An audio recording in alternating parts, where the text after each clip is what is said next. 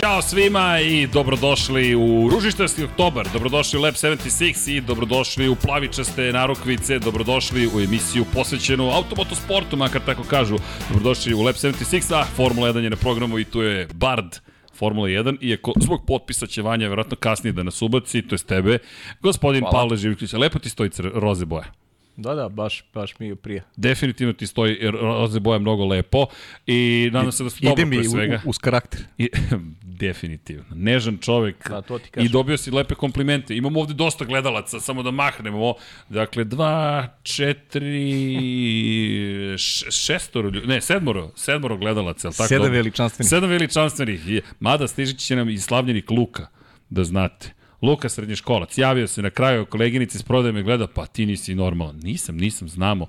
E, apsolutno, ali pošto mu je rođendan, onda sam rekao, Luka, kako da ne dođeš ipak, ne možeš da ne proslaviš. Ako hoćeš baš sa nama da slaviš rođendan, okej. Okay. Tako je, slažem se. Da, čovek jednostavno završava sa školicom i re, ima jedna foteljica, video sam tamo, ona iz filma. Ali onda smo, onda smo promašili piće. Pa, promašili smo piće. Pa, zbog rođendana. Aha, trebalo je šampanjac. O, pa dobro. Ali, ali dobro, nadam se da ste dobro pre svega. Za početak e, želimo vam jedno prijatno veče, mazite se i pazite se i vodite i vozite računa. Imam dve ozbiljne teme pre nego što krenemo na, neću reći neozbiljne teme, nego malo opuštenije teme. Prva stvar, ružičasti oktobar, jel te, kao što smo rekli. Međutim, pre nego što pređemo na ružičasti oktobar i priču o borbi protiv raka dojke, jer to je mnogo važno, dugo malo izvinjenje svima vama, zašto?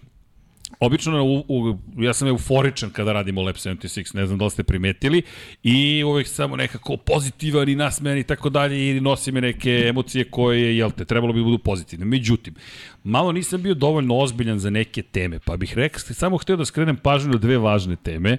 Jedna se tiče dece, jel te? Pričao sam o UNICEF-u i da smo započeli saradnju za svako dete.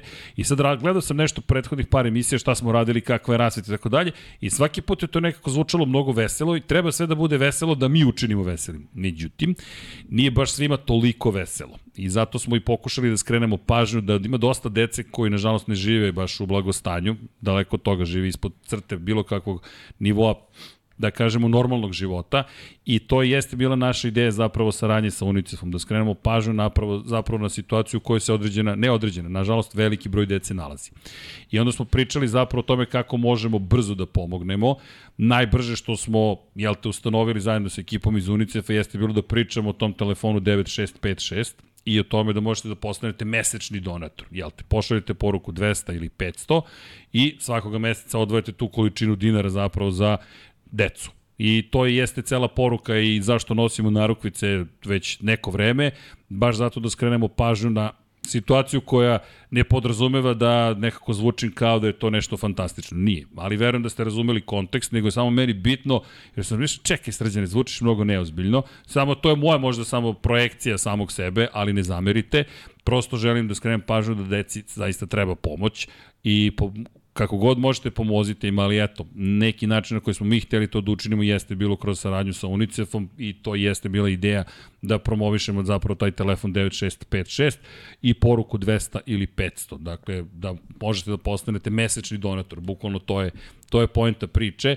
i nadovezuje se na drugu ozbiljnu temu, a želimo da, da nastavimo da pričamo o njoj. Svi smo ovde u roze, uglavnom smo u roze i kao što je neko primetio, sada ću biti pomalo neozbiljan, ne zamerite. Samo zato što tako komuniciram i tako se suočavam ja i možemo reći nosim sa teškim temama, lepo, lepo, lepo stoje. Neko je rekao smo mršavi u rozi, ne ja, da si ti mršavi u rozi majicama.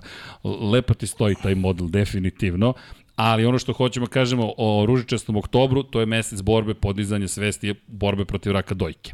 Dakle, ima ovde devojaka, imamo maka i poruka je uvek ista u oktobru. I Deki će se sutra pojaviti u roze bojama, večeras mu je glavna boja crvena, Liverpool igra, pa ga nema. Ali, Zašto roze? Zato što je to neko izabrao da bude boja koja označava, jel te, podizanje svesti o tome. Pa devojke, proverite se, Ukoliko, nažalost, neki problem postoji, rana detekcija može da pomogne u izlečenju. Momci podržite devojke da obave samo kontrolu, da odu kod lekara, da urade ono što mogu, da li je to ultrazvuk, da li je to mamograf, sve zavisi od doba u kojoj se nalaze i da to na neki način kažemo jedni drugima, ej, molim te, dajde da se mazimo i pazimo i na taj način da kažem, nemoj da ti bude problem ili bilo kakva stigma ukoliko i neki problem postoji ili da se proveriš to što nešto ne detektujemo ne znači da ne postoji.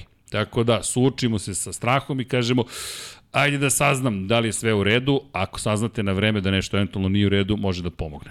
Eto, toliko od mene, samo sam hteo da napomenem, a ovaj, ne zamerite ukoliko ponovo budem neozbiljno na nekim budućim emisijama, kada su čak i ove teme u pitanju, prosto mislim da ste svi dovoljno racionalni, svesni da način na koji komuniciram jeste ponekad tako pokušaj veselog da ne bismo u konstantnom mraku da budemo svetionik čak i u tim situacijama. Ali, eto, malo sam bio uzbiljio situaciju, nadam se da ne zamerate na tome i sad da postanemo neozbiljni, nego mega ozbiljni, da postanemo, pričamo o Formuli 1. Ljudi, udrite like, udrite share, subscribe, sve ostale dugmiće koje imate, poklikćite, ako ste na televizorima, nemojte da vas mrzi, dakle, kliknite ili ko ima LG-eve, ne znam, imate i miša čak na ekranu, pa klik, klik, klik, klik, klik, klik, nije tako teško, nama znači, jel te, da prevarimo algoritam ili da mu kažemo, je, ima nas ovde, slušamo, gledamo Lab 76, kako god pozdrav svima koji ovo slušaju odloženu snimku na audio platformama i tako.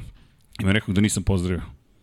Ne sjećam se. Ne sjećam se, a pa ja se ne sjećam ni zašto smo ovde zapravo koliko već traje ovo. Ne, ne, ne, šalim se. Šalimo se naravno, malo Šalim. ne zamerite. Ali zašto smo ovde zbog Formule 1 smo ovde? Da li nam je stigao rođendanac? Ajmo svi ljudi, aplauz jedan za rođendanca! Srećan rođendan. Jesi sad punoletan? Ne, o, odgovor je ne. to, ne bude Ništa, u 23.00 napuštate prostoriju. Srećan rođendan Luka. Stigo, ne znam gde ćeš da sedneš, pazi malo, moj proračun bio tako, hrabar, ali mislim da ćeš u tu roditeljsku, roditeljsku, opa, rediteljsku stolicu. To ti inače kopija rediteljske stolice sa snimanja, kog filma beše? Ne, ne sećam se koji je film, ali piše tu. To, kako? Tropic Thunder, jao, sad si, se, sedi slobodno, budi Robert Downey Jr. i uživaj u spektaklu koji sledi, jer ovo je popit, poput Tropic Thundera, ni ne znamo da smo u ozbiljnoj situaciji. Elem, ovde smo se okupili zbog Formule 1. Završili smo veliku nagradu Singapura, stiže nam velika nagrada Japana, imamo iza nas jednu fantastičnu trku na neki način, imamo kontroverznu trku na drugi način, imamo iz priče pokraj staze, imamo mnogo vesti umeđu vremenu, a sutra dolazi ona glavna vest, priča o budžetima i da li je i ko prekoračio budžete i kako i šta se sve tu zapravo zna umeđu vremenu od kada je bila i trka i od kada je bio prošli podcast. Pa je dakle da krenemo. Mi smo dali podcast u ime Sergio, Sergio Perez, kralj, trkački kralj svetskih pa hoćemo, ulica. hoćemo od tih pozitivnih stvari. Ajmo od, od trkača. Ajmo od trkača. Prvo pričamo o trkačima, Tako je. a onda ćemo o sporaćima može. koji vode Formulu 1. Može tako? može. Uplašio Ajde. sam se kakav će biti nastavak tvoje rečenice, ali okej. Okay. Da. Eto, Sporači. Znači, prvo ćemo trkači dobijaju prednost u odnosu na sporaći. Može. Ajde. Češ ti? Čeko Perez može. I Čeko Perez, pa sam je rekao, I kada razmisliš o njegovim rečima, ovo je definitivno bila njegova najbolja trka. U ekstremnim uslovima, u uslovima u kojima su grešili svi. I Lewis Hamilton, i Charles Leclerc, i Max Verstappen, George Russell. George Russell, on je napravio dve sitne greške u krivini 14 koje se nisu odrazile na to ono trkanje sa Leclerom, ali jedini čovjek koji je odgovorio zahtijima trke maksimalno je bio Sergio Perez. Čak i momentima kada je morao da podeblja tu razliku da bude veći od 5 sekundi. On je i tada uradio majestralan posao i pobegao Lecleru tamo negde 7, 7 i kusur koliko je bilo. Tako da stvarno Meksikana zaslužuje da sa njim otvorimo, da otvorimo podcast, jer je ovo zasigurno njegovo najbolje izdanje. Kažem, u ekstremnim uslovima drugačije se treniralo u petak, kiša u kvalifikacijama, odložen početak trke u nedelju, prsluci koji hlade konstantno na vozačima. Čak i u toj situaciji. Čak i u toj situaciji vlaga koja je neverovatna, dakle, stvarno je, stvarno je momak bio fantastičan i, I kapa dole. Moram priznam da nisam neki veliki fan Serhije Pereza, realno, i to smo pričali ranije, ali ovo što je uradio Meksikanac je za ogromno Može poštovanje muzika. sebe, sebe svrstava, sebe svrstava sada u red u red e, vozača koji su pa neću reći ni iznad proseka, nego koji imaju taj ekstra kvalitet, zaista. Kako? Muzika je u klipu, a kad hmm. zaustaviš, ne, onda pusti da se vrti. Ljudi, Ovako su izgledali vozači, nažalost publika ovde ne vidi, nismo upalili onaj tamo monitor. Možda pošalješ. Kako? Sony, a spremio si mi Sony na kvarno da vozim Suzuku. O, večera sam se sprema apsolutni Tropic Thunder. Ko ne zna film i referencu na koju se odnosi, pogledajte Tropic Thunder, remek delo, apsolutno. Inače, možete vidjeti kako su ljudi izgledali. Pogledajte nasmeru Kristijana Hornera, pogledajte nasmeru Jedrina Njuja. Kada pomislite nije nam bitno da pobedi drugi vozač, ne, ne, ne, to ne važi, to nije baš tako. Max Verstappen koji čestita Sergio Perezu i slažem se s tobom, apsolutno njegova najveća trka. Pogledaj Charles Leclerc i Sergio Pereza. Za one na audio platformama sede u turskom sedu takozvanom i popili su već više od pola vode, nije im dobro koliko su se preznojili da. i ona čuvena situacija u kojoj ti se konstantno znojiš, telo ne može da se ohladi jer je vlažnost vazduha izuzetno visoka. Trka je završena nešto posle 23 časa, inače ako se ne varam, gospodin Schmidt je rekao da jedan od naših gledalaca da je ovo verovatno trka koja je završena najkasnije u istoriji Formule 1 po lokalnom vremenu. U malo nismo došli do ponoći, čisto da ne zaboravimo i taj moment i sve to je savladao Sergio Perez i došao do triumfa broj 4 u karijeri. Sjeti se kad smo imali meksičku zastavu i pričali o njegovom oproštaju možda od Formule 1 u ovim bojama Pink Panthera zapravo za, za, za Racing Point u tom trenutku, on čovek odlazi, dobio otkaz, smenjuje ga Sebastian Vettel, prva pobjeda, ceo Meksiko slavi, Mi idemo, Deki ide u ambasadu da pokupi zastavu, dakle, otpravnih poslova Meksičke ambasade nam daje zastavu. Opšti show, u Meksiku čak komentarišu naš podcast, pošto nas je čovjek sa ESPN-a Meksičkog otkrio, Ja, danas mi pričamo o čoveku koji sad ima četiri pobede. Ovo neću reći deluje rutinski, ne deluje, ali druga pa pobeda ne, ove je, godine. Ovo je bilo mnogo teško, pogotovo što je i startovo kao drugi napravio taj manevar na početku, obišao Charles Leclerc i, i kontrolisao trku zaista fantastično. Ja, i Imo, imao je te kritične momente, kažem, te borbe sa Leclerom, gde one dve greške koje su se potkrale u krivini 14, ali nema vozača koji nije grešio. Međutim, njegove greške nisu bile velike. To je ključni moment. Svi ostali su grešili mnogo. Možeš manje, ili ima još jedna fotografija trenutak ranije. E, ovo je mnogo važan trenutak. Obratite pažnju na količinu vode koju iztiskuje Ferrari sa leve strane Charles Leclerc. Charles Leclerc koji je krenuo sa pol pozicije 18. put u svojoj karijeri. Povela se i priča sada već o tome, o njegovoj statistici, surovoj statistici. 18 pol pozicije, samo 5 pobjede. Ljudi, Sergio Perez je sada na jednu pobedu od Charlesa Leclerca. Mi govorimo o čoveku koji Ferrariju treba da donese sledeću titulu i ne krivim Charlesa Leclerca. Pričat ćemo o Singapuru za taj rezultat 18 prema 5 to je istovremeno nekako i kletva njegovog uspeha. A ne, ali ovo je, ovde nema krivice Ferrarija. Ne postoji krivica, ne, ovde... ovde... O, ovde je sam, ovde je sam sebi krojio sudbinu i nije uradio dobar posao, to A... je to. Prosto je E, Čeko bio bolji od njega i to je to. Od start trke je takav da imate relativno kratak put do ulaska u krivinu u levo i iako mnogi kažu bolje unutrašnja strana krivine, ne mora nužno to da znači. Pri čemu imao je situaciju u kojoj su imali identično vreme reakcije na startu. Pa dobro, međutim naišao na baru navodno. U krajnjem slučaju i, i Čeko i, i vozač koji je bio iza njega, e, Carlos Sainz su nadoknadili pozicije. E sad, kad kažem navodno, ovde imamo lepu sliku koliko vode je bilo zapravo sa desne strane. I verujem da to nije pomoglo svakako niti njemu, niti Lewisu Hamiltonu koji izgubio poziciju protiv Carlosa Sainca. Međutim, kako god izgledalo, Čeko je uradio savršen posao. Ne bih da kritikujem Leclerc i da ispadne da je zbog Leclerca Čeko postigao što je postigao. Ne, to, On je to i kažem, u Čeko, Čeko, je bio, Čeko je bio bolji. Ja samo kažem da Ferrari nije taj koji zaslužuje kritike. Ne, ovog puta jer je, su radili jer posao. Ove godine, ove godine je Ferrari taj koji je negde usporavao ambicije Charles Leclerca i nije najbolje prepoznavao situaciju kojima s njihov prvi vozač nalazi. Ovog puta a, ništa nije vanredno uticalo na, na Charles Leclerca, uticao jedino Čeko Perez koji je bio maestralan. I to je to. I zato kažem, ovo je jedna čista a, a, velika pobeda Serhija Pereza u svakom segmentu, pogotovo u ovakvim ekstremnim uslovima čovek je bio prosto ubedljivo bolji od konkurencije. I, kompletne konkurencije, ne samo od, od Leclerc. I to na stazi koja je veoma zahtevna. I to u identičnoj možda situaciji kao u Monaku. I pričali smo o tome, Monako ove godine, početak trke po kiši, kako se razvija situacija, on prvi prelazi na gume za suvo, ne prelazi na gume za promenje vremenske uslove, Red Bull poloči fantastičan potez, preskaču bukvalno oba Ferrarija, čak Leclerc pada sa pozicija na pobjedičkom postoju na četvrto mesto, ali Perez koji Monaku pobeđuje i sada u Singapuru kako, kreće se po kiši, završava se po suvom, I ima još jedna bitna stvar.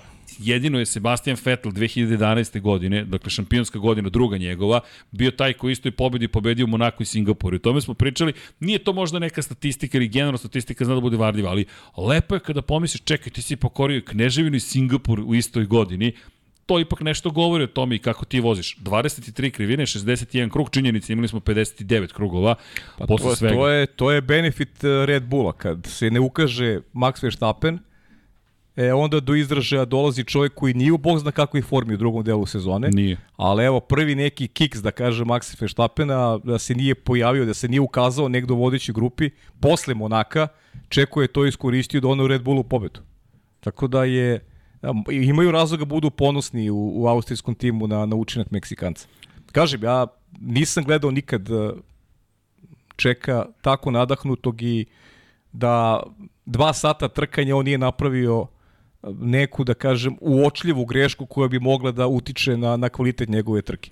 I ono oduševljenje celog tima i njegovog je bilo popuno opravdano.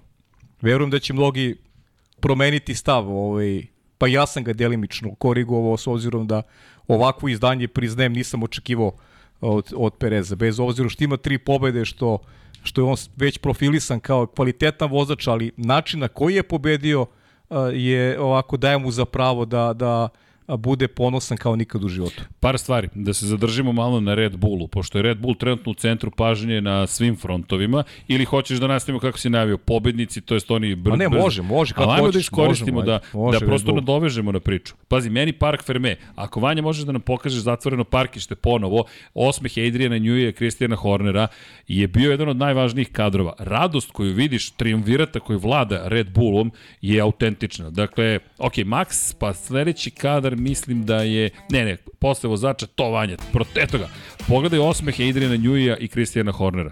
Nema tu nikakvog lažiranja, nije to, aha, ovo je foto prilika, daj da se smemo. Ne, oni ljudi su srećni što je njihov vozač ponovo pobedio. Pa da, i pritom, znaš šta je razlika u odnosu na, one, na onu dominaciju Mercedesa, ovde nema poklanjena pobeda. Znaš, če, čeko, nikomu nije dao u pobedu. Ne. Sad ne znam, sklonio, ajde sad da pustimo malo čeka pobedi. Ne, nego se on izborio sam za tu pobedu. I to se ozbiljno izborio. Znaš, imali smo onih ranije godina, pričali smo o tome da će Hamilton da pokloni neku pobedu Bottasu. Bukvalno si imao situaciju da li će se to desiti. Da li će ne. to desiti? Ne, ovde se, ovde se dogodio Sergio Perez.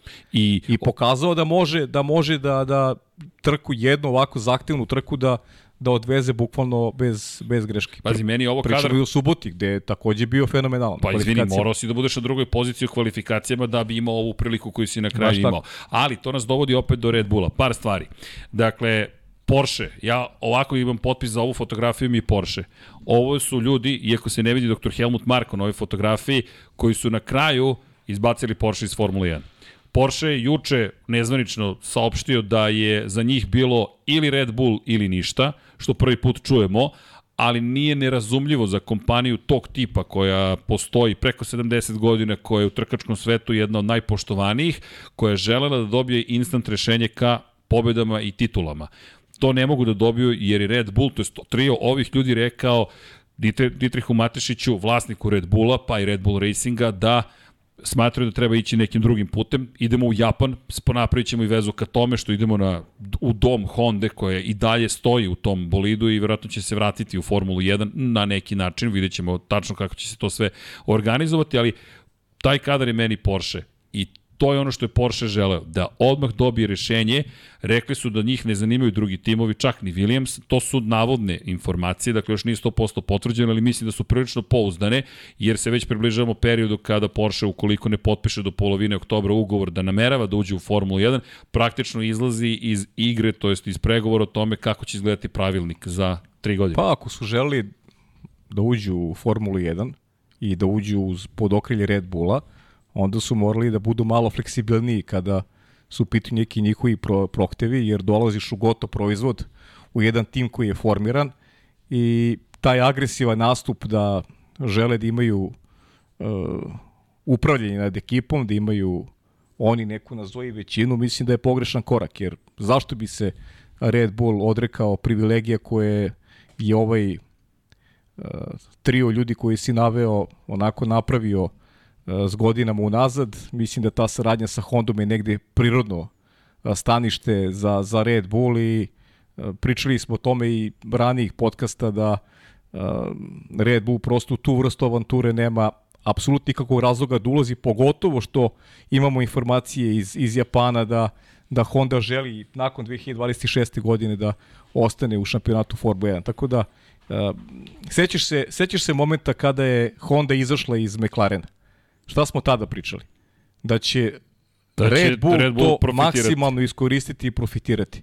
I ja mislim da je jedino Red Bull mogao sa Honda da napravi ovakvu priču kao što je trenutna da imaju jednu dominaciju, možda, i, možda su više sumnjali u celu priču Honda nego što je to slučaj sa ljudima iz Red Bull, oni su i tekako znali e, kakav ih posao očekuje i šta im valja činiti, tako da mislim da će doći do tih pomirljivih tonova ajde da ih, da ih tako nazovemo između Red Bulla i Honda i da ćemo ih gledati u nekom partnerstvu i u buduće. Na radost e, pre svega ljudi koji navijaju iz Red Bulla, mislim da, da neka, neka avantura, nova avantura ja verujem da bi Adrian Newey to bio veliki izazov, ali postavlja se pitanje koliko bi ova ekipa ostala na okupu da je Porsche dobio ono što je želeo u pregovorima pa, sa Red Bull. Koliko god moćan bio inženjer Adrian Newey i dizajner, postoje ograničenja. Svi mi imamo svoje ograničenja. Neko veće, neko manje. I naravno, zavisno toga čime se baviti i zašto ste se opredelili. Ali gde postoji problem? Ni Newey nije mogao ovo da postane bez Honda. Sarađivali su sa Renaultom u hibridnoj eri, nije bilo dovoljno. Sarađivali su, ajde da kažemo, uh, kada govorimo o Tag Heueru, o još jednoj kompaniji, ali to je potpis samo. Renault je taj koji stoji iza svega toga. Dakle, nikako nisu uspevali da nađu zajednički jezik sa Francuzima, sa kojima su osvojili sve četiri titule pre Maxa Verstappena i sa Sebastianom Vettelom. Ti sa njima nisi mogao da uspeš. Dakle, koliko god je on dobar bolid dizajnirao, nedostajalo ti je srce, to je snaga tog bolida. Dolazi Honda i ti sada imaš partnera koji hoće da te sluša. Šta je Honda uradila? Honda je bila spremna da vrlo blisko sarađuje sa Red Bullom. I Red Bull je rekao da će sve uraditi što je neophodno da se na kraju dođe do titula i to su i uspeli. Prvi ljudi od Artona Sene koji su uspeli da osvoje titulu Jest. sa Hondom, Max Verstappen, Red Bull i Honda. Tako je. I sad ti dolaziš u situaciju da tebi opet treba neko da ti napravi motor. Ako ćeš svesti sve na samo Red Bull Power Trains, vrlo diskutabilno ti možeš da se nosiš sa Mercedesom, Renaultom, Ferrari. Znaš kako, to se opet ne uklapa u projekciju i, i e, ugovor ako ima Max Verstappen. Jer bi to opet podrazumevalo neki period čekanja, pitanje je da li bi Max to čekao. Pitanje. Znaš, pitanje je da li bi Max On... želeo da čeka Porsche neke dve godine možda i, i, pa, i da koja kažemo... više da se da se stvari da stvari legnu onako kako kako Red Bull želi. Ovo je gotov proizvod koji daje rezultat. Ali pazi, još još više od toga. Čak nije ni bio problem navodno na tehničkom nivou, već na tome da je Porsche hteo da upravlja Ma to firmom. je to je suština, I to, da, je suština. to je suština. Pogledaj njihova lica kad slave pobedu. Samo zamisli nas dvojicu, trojicu, ajmo Nas trojica smo da. napravili tim koji je bio slab. Jaguar smo kupili i krenuli smo da pravimo nešto sasvim novo, neku novu priču i u početku nas posmatrali kao lakradijaše koji promovišu energetsko piće, Tako skaču je. po bazenima, organizuju pa dobre žurke. Pa ja sam prvi to mislio. Ja, pri najiskrenije Izgledalo je kao da je to samo Bukvalno pa prolazna pa faza za to što Deki govori stalno, Fernando Alonso koji nije želeo da ide u taj tim. Jer to je neozbiljan tim. Tako ideš je. u McLaren u to vreme, ide, ideš u Ferrari. Ne ide uz njegovu reputaciju. Tako je. I, a sada dolaziš do toga da je to tim koji ti želiš. Hvala Vanja. Dakle, mi govorimo o tome da je to tim koji želiš. I oni su ga stvorili. Manje su imali sedih, manje bora, ali oni su bili spremni da rizikuju Jest. i da stvaraju imperiju. I sad neko dođe i kaže to je sada naša imperija. Nema šanse. Smešna priča. Samim tim Porsche, to je pisanje to, to je preneo RTL, to je pisanje automotornog športa, najverovatnije je završio što se tiče do daljnjeg ulaska u Formulu 1, 2026. stići će nam Audi. Da nastavimo sa Red Bullom. Red Bull koji je u centru pažnje i iz perspektive toga što je pogre... Ajmo da krenemo od grešaka na stazi. Pogrešio kada je reč o gorivu Maxa Verstappena i krugovima. Oni su, ga, oni su mu tražili no, je... da otkaže dva kruga. Imao je možda pol poziciju u rukama. Pretposlednji, imao je već najbolje vreme, rekli su mu uspori u trećem sektoru da bi se spremio za sledeći. I on je rekao, ok, nadam se da znate šta radite, da će imati dovoljno baterije. Imao je, i onda mu na kraju kvalifikacije kažu, uđi u garaže. To je, to je ozbiljna greška, to smo naknadno saznali, taj pre posljednji krug. Za posljednji krug ja sam imao apsolutno nekog, ajde kažem, neću reći razumevanja, ali negdje i logično, jer e, šta sam mislio iz prve, da, da je Max Verstappen napravio grešku u trećem sektoru i da je onda Tako bio je primoran da vozi krug više u odnosu na konkurente i da je tu onda Red Bull procenio da možda ostane bez goriva, što bi bila negde razumljiva odluka, ali, ali naknadno smo saznali da je, da je Red Bull e, i taj predposljednji krug zaustavio Max Verstappen, on je zaista ne možemo da tvrdimo da bi imao pol poziciju, ali zaista... Bio je dobar. Bio, a, u najmanju ruku je bio dobar. Dakle, U ravni svojima koji su bili u 55.000 tinki. samim tim prvo, drugo, treće, četvrto mesto je delovalo Sigurno, kao opcija. Sigurno, sigurno je opcija. I sa te druge, treće, četvrte pozicije možeš možda sa druge na prvu, sa četvrte na Druga- treću. Pa, dru, ko zna. drugačije, trka na ovakvoj stazi gde je teško. Mnogo je vremena gubio, recimo i za Alonsa u on, onoj prvoj situaciji kada je otišao greške. ispod 20 i to je suština, pravio je greške. A nismo navikli greške. da Max Verstappen pravi greške. Zašto sam i rekao koliko je briljantna pobeda Serhija Pereza? Jer su svi grešili, samo Čeko nije. Da, ali pazi, to je svetski šampion koji ima pet pobjeda za redom, juri neke ozbiljne rekorde, devet pobjeda za redom Sebastijana Vettel, od tog rekorda ove godine nema ništa, možda neki drugi put. Juri i dalje najveći broj pobjeda u, i koliko god govorili da im nije stalo, ja mislim da njegovo lice dovoljno govorili koliko im stalo da pobedi svaki put. Znaš kako, sad reći će neki, ok, pravili su greške i Hamilton i Leclerc i, i, i, i Verstappen jer su oni jurili pozicije. Ok, ima i toga naravno, ali s druge strane i Sergio je bio pod pritiskom Charles Leclerca u završnici trke pa je uspeo da odoli, koristio i, i DRS Leclerc, nije uspeo da prestigne čeka, kasnije morao da nadoknadi uh, razliku veću od 5 sekundi i to je uradio Meksikanac. Tako da a, na početku trke uspeo da prestigne Leclerca, dakle ne možemo da nađemo ni jednu jedinu zamirku a, Sergio Perezu, a njegovim konkurentima možemo, ali ajde, o tom potom kad Ali budeš samo hteo da da pričaš. konstatujemo, ne, što se tiče Red Bulla, velika greška ekipe takođe. Jeste, ogromna greška. To je I jedna od koji, jedna od retkih koji, koji su napravili u posljednje vreme. I dođeš u situaciju da gledaš i kažeš, ok, šta se ovde događa i znaš da to nije taj vikend. Prosto to nije taj vikend. To je jedan od onih vikenda kada... I- i- Znaš šta je interesantno? Što da su je napravili u slučaju Serhija Pereza, redko ko bi je konstatovao. Ne bismo je konstatovali. To je ono surova istina A da. o kojoj često pričamo. Kada zvezde nešto, kada se nešto desi zvezdama ili zvezde pogreše, to je jedno. Kada se to desi nekom drugom, šta sam, da radiš? samim tim i Maxov glase čuje mnogo dalje, jer kad on priča da je neko pogrešio, da nije bio na nivou, onda se to pripričava da Moglo Da, je da, se, moglo je da bude obrnuto, moglo je Max da pobedi i ne bismo danas ni pričali o tome koliko je Red Bull ovaj upropastio trku Serhija Pereza, zbog čega? Pa ne bismo ni prepostavili da je mogao da bude toliko dobar.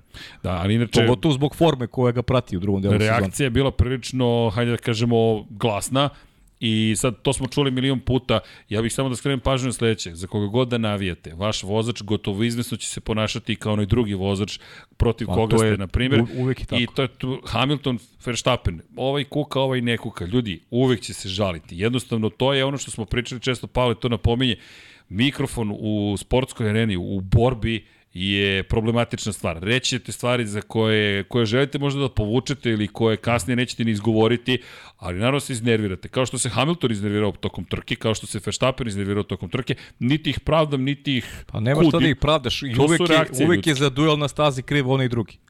I Ne samo između je njih dvojice, nego u svakom duelu na stazi. od drugog a samo, samo, pitanju. samo komunikaciju kad, kad slušate, nikad nijedan nije rekao ili se to redko desi, ja sam pogrešio, nego evo ovaj me blokira, ovaj, a ti vidiš nešto sasvim drugo. Ne, meni se dopada tvoja uvek rečenica apropo Ayrtona Sene kada kažeš ljudi, nije mogo da pogreši što se mene tiče, Pa svi ne, ostali nikad. su samo mogli da pogreše. I to je okej. I kada su navijačke strasti u pitanju, udrite like, to je sve sasvim u redu. Što se tiče Verstappenovih reakcija, ja to razumem pa, sve. reakcije vozača, šampiona, kako god želite i svi uvek isto reaguju. Ček da okrene malo Lab 76 da se vidi. Ko želi da kupi kačket još, ili ih ima još uvek? Nema kolege, pro, rasproda to, jednoga dana ćemo možda dobiti novi kontingent. Držimo palčeve, a umeđu vremenu, da li su stigle neke nove majice, i Luka i Kuzma su se pojavili u prodavnici. Eto, to je podrška našim drugarima iz košarkaškog podcasta Luka i Kuzma, shop.infinitylighthouse.com.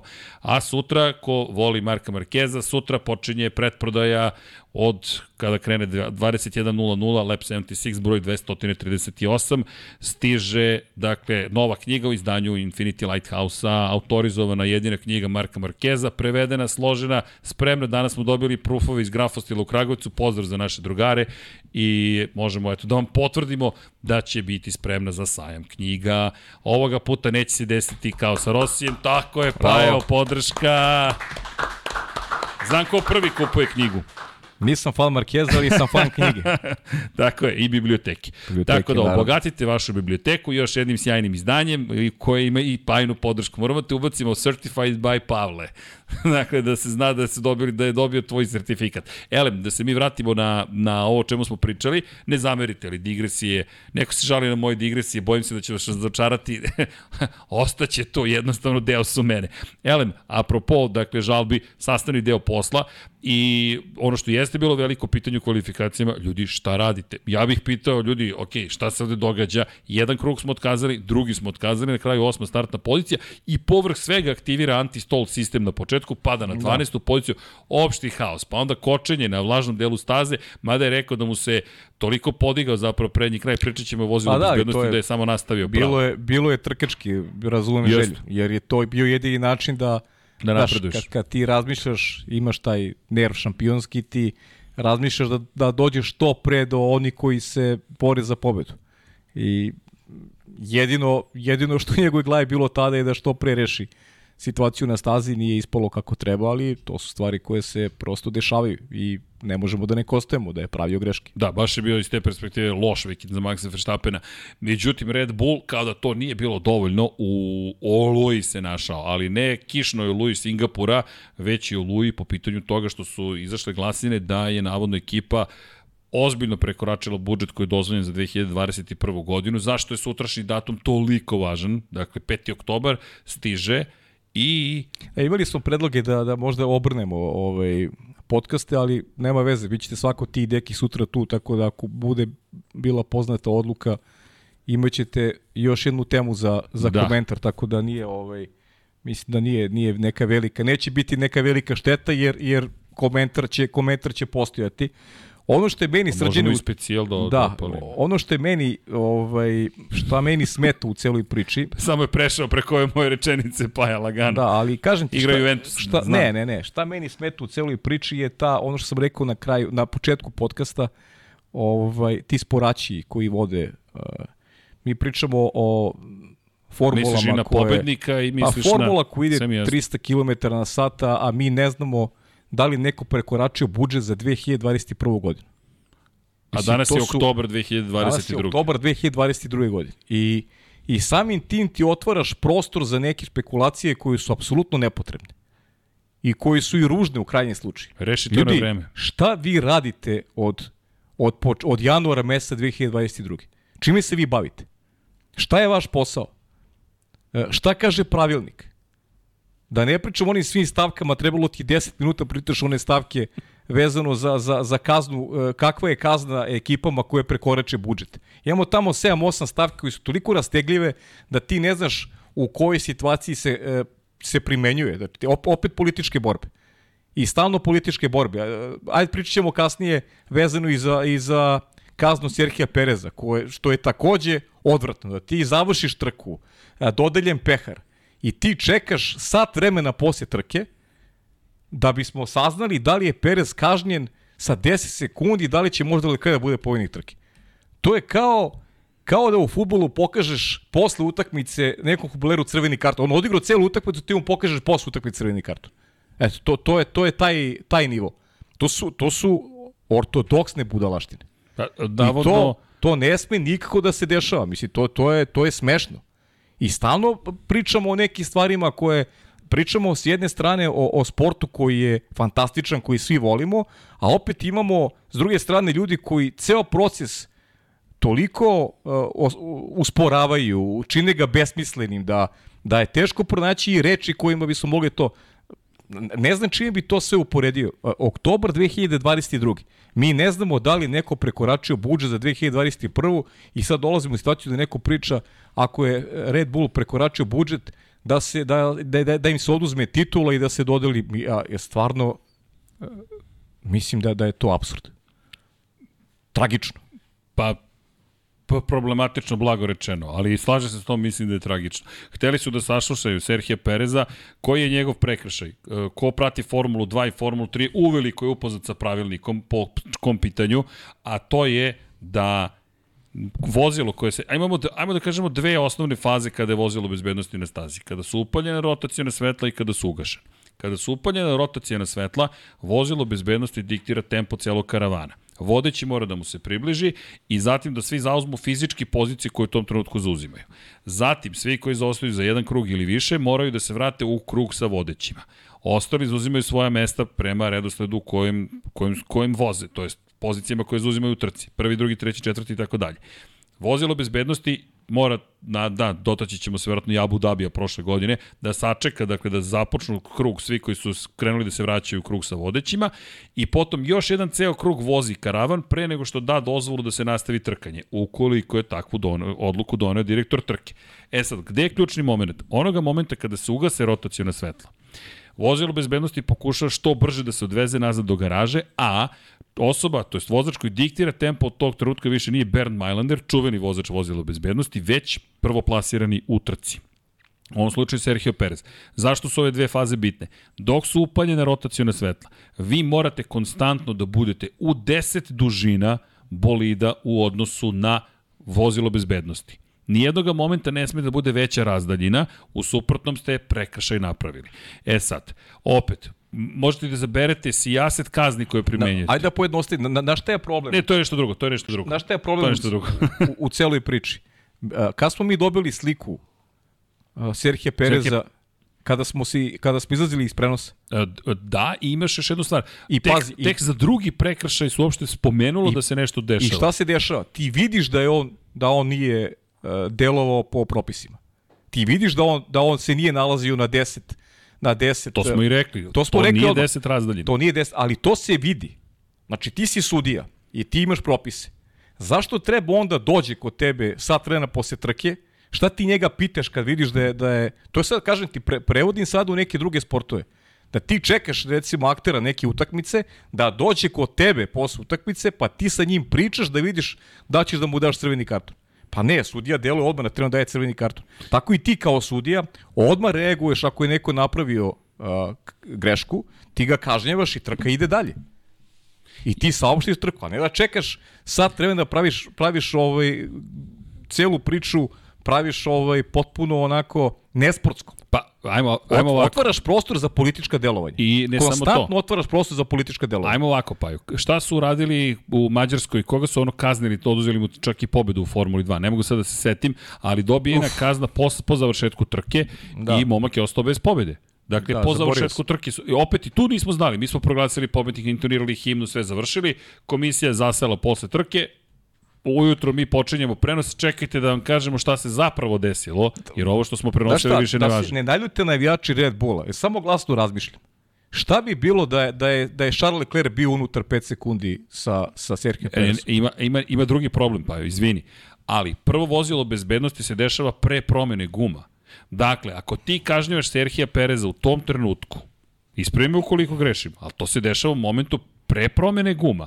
Ako ti njemu u tom momentu daješ 5 sekundi kazne, on tu kaznu mora da odradi kada je na promenu guma. On sigurno ne izlazi prvi na staza da stazu. Dakle, ti automatski imaš Charles Leclerc na prvom mestu, možda čak i Carlosa Sainca na prvom mestu. Pa ne, sa, sa 5 sekundi ako... Jer vidi, imaš, imaš još jedno vozilo bezbednosti. Imaš još jedno vozilo bezbednosti, da. To potpuno menja celu sliku jest, jest. trke.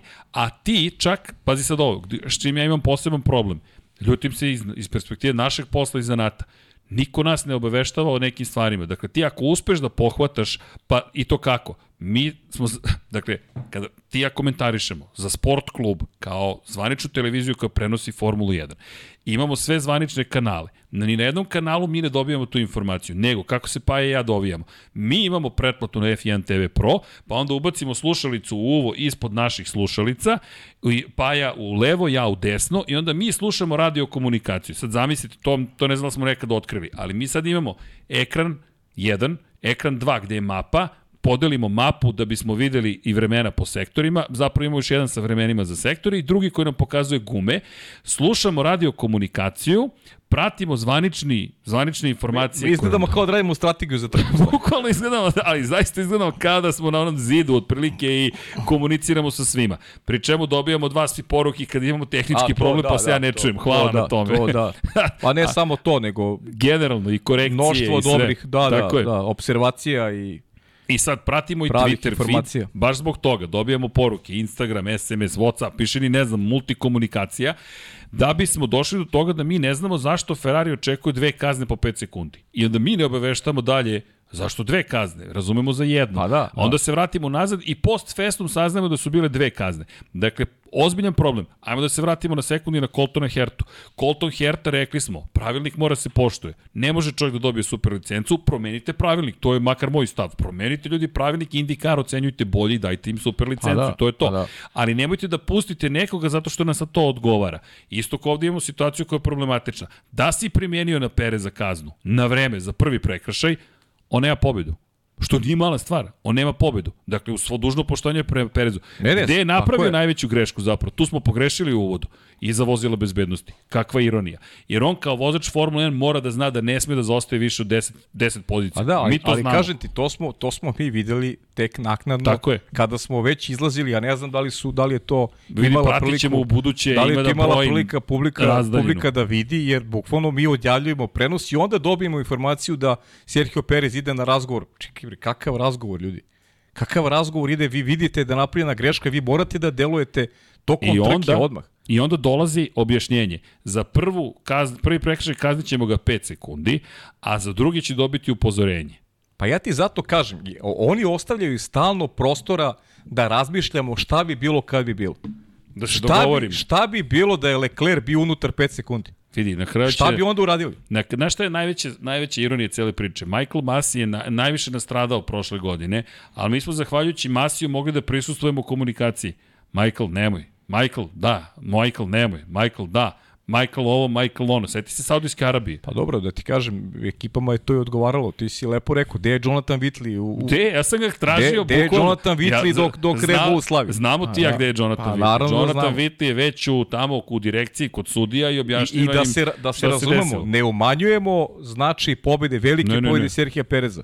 Ali ovo su ozbiljne anomalije, ljudi. Ovo su, ovo su gluposti koje, koje se tiču šampionata. Kako se ne tiče. A tek ova priča vezana za budžet, E, Vanja, sad to ovo tek, prikaži. to je tek cirkus. Pazite sad ovo, da, pošto smo mi ovo čitali tokom prenosa, imamo celu biblioteku, jel te? Ovo vam je, dakle, ukoliko članom 8 finansijskog pravilnika, za one koji ne znaju, ponovit ću još jednom, imate tri osnovna pravilnika kada je reč o Formuli 1. Sportski pravilnik koji reguliše, jel te, sport kao sport, tehnički pravilnik koji reguliše kako se bolidi po kojim pravilima prave i finansijski pravilnik. Dakle, jedini sport, ja mislim, koji ima odvojeni finansijski pravilnik. Nije baš jedini, ali to je opet kada govorimo, na primjer, o NFL, američkim sportovima, vrlo jasno definisano, budget capping i slično. Elem, imate sledeću, finansijsku kaznu, dakle to će biti kazna, jel te morate da platite nešto. Od slučaja do slučaja. Pod stavkom B imate manju sportsku kaznu i sad pogledajte vi, imate šest potencijalnih kazni. Javnu opomenu, dakle ti možeš da prekršiš pravilnik, to je da potrošiš malo više para, ja ću da te upozorim. Pa jo, nisi smeo to da uradiš. Nemoj više nikad, ja kažem, neću više Neću majke više mi i idemo majke dalje. mi, neće se ponoviti. Da. Onda dođe drugo. Oduzet ćemo ti ša, kon, ša, poene u šampionatu konstruktora. Dakle, i to za svaku trku u kojoj se desilo da si u prekršaju. Ok. Zatim, oduzet ćemo ti poene iz, voza, za, iz šampionata vozača za svaku trku gde se desio prekršaj. Pazi, sad ovo je već ozbiljna implikacija. Šampionat konstruktora, koliko god da je bitan, najvažniji je šampionat vozača. Zatim, suspendovat ćemo te iz jednog ili više takmičenja ili više sezona takmičenja, dakle, kako bismo izbjegli excluding for the avoidance of doubt the race itself. Dakle, isključit ćemo ti čak i iz te trke da ne bi bilo nikakve sumnje. Dakle, mi ćemo ti poništimo sve te rezultate koje si imao. Zatim, dovešćemo te u to da ti ograničimo mogućnost da obavljaš aerodinamička i druga testiranja i na kraju smanjit ćemo ti budžet za sledeću, sledeću sezonu. e. A to su manje, manji prekršaj. Ajde sad stavi veliki prekršaj, to je sledeći kadar. Evo materijalne sportske kazne koja je jedina suštinski razlika ovde koju možete vidjeti. Ima ih sedam, a to je zapravo da vas ovde ne smeju da vas upozore. Dakle, za manji prekršaj imamo čak i upozorenje. Ne više nikad. Ovde nema, ovde nešto moraju da vam urade. Šampionat konstruktora, šampionat vozača, isključenje iz različitih trka, ograničenje za testiranje, suspenzija, dakle, kada govorimo o onome što, što tek dolazi i isključenje iz celog šampionata i smanjenje budžeta. E, evo ovako sad. Kad, Ajde sad. kad, kad bi imao po jednu stavku u manjem i velikom prekršaju, znači po jednu stavku, za manji prekršaj kazna je ta, napisana boldirana, i za veliki prekršaj kazna je ta, mislite da bi bilo prekoračenje budžeta? Nema šanse. Pa zato što je tako fleksibilno otvara, otvara znači timovima otvara mogućnost za pregovor. za političku aktivnost. I to je ono što se i radi generalno kroz istoriju formule i politika idu pod ruku. I ko tu ima, ko je bolje pozicioniran, on će da podnese i, i to što je pravio, što je pravio greške, što je prekršio pravila u budžetu. I mi nećemo dobiti, ja ne verujem da ćemo dobiti neku nešto radikalno, zbog toga mislim neće biti ne vidim, potrebe da. za specijalom, jer ne mislim da će biti nešto radikalno, ali politika je ta koja nažalost u, u sportu prisutna i nije to sad od ove godine, od prošle, od, od vajkada je, je i tako je, zbog toga je tako i pravim pravilnik da ti otvora mogućnost za koje kakve spekulacije i i mislim da se to neće promeniti. Može mi da pričamo ovako i na nama jeste da pričamo, da ukazujemo na anomalije, ali suštinski stvari se promeniti neće. Pa politika čini svoje. Inače Ferrari je rekao da čak i mala, mali prekršaj budžeta smatra da je vredan pola sekunde po krugu.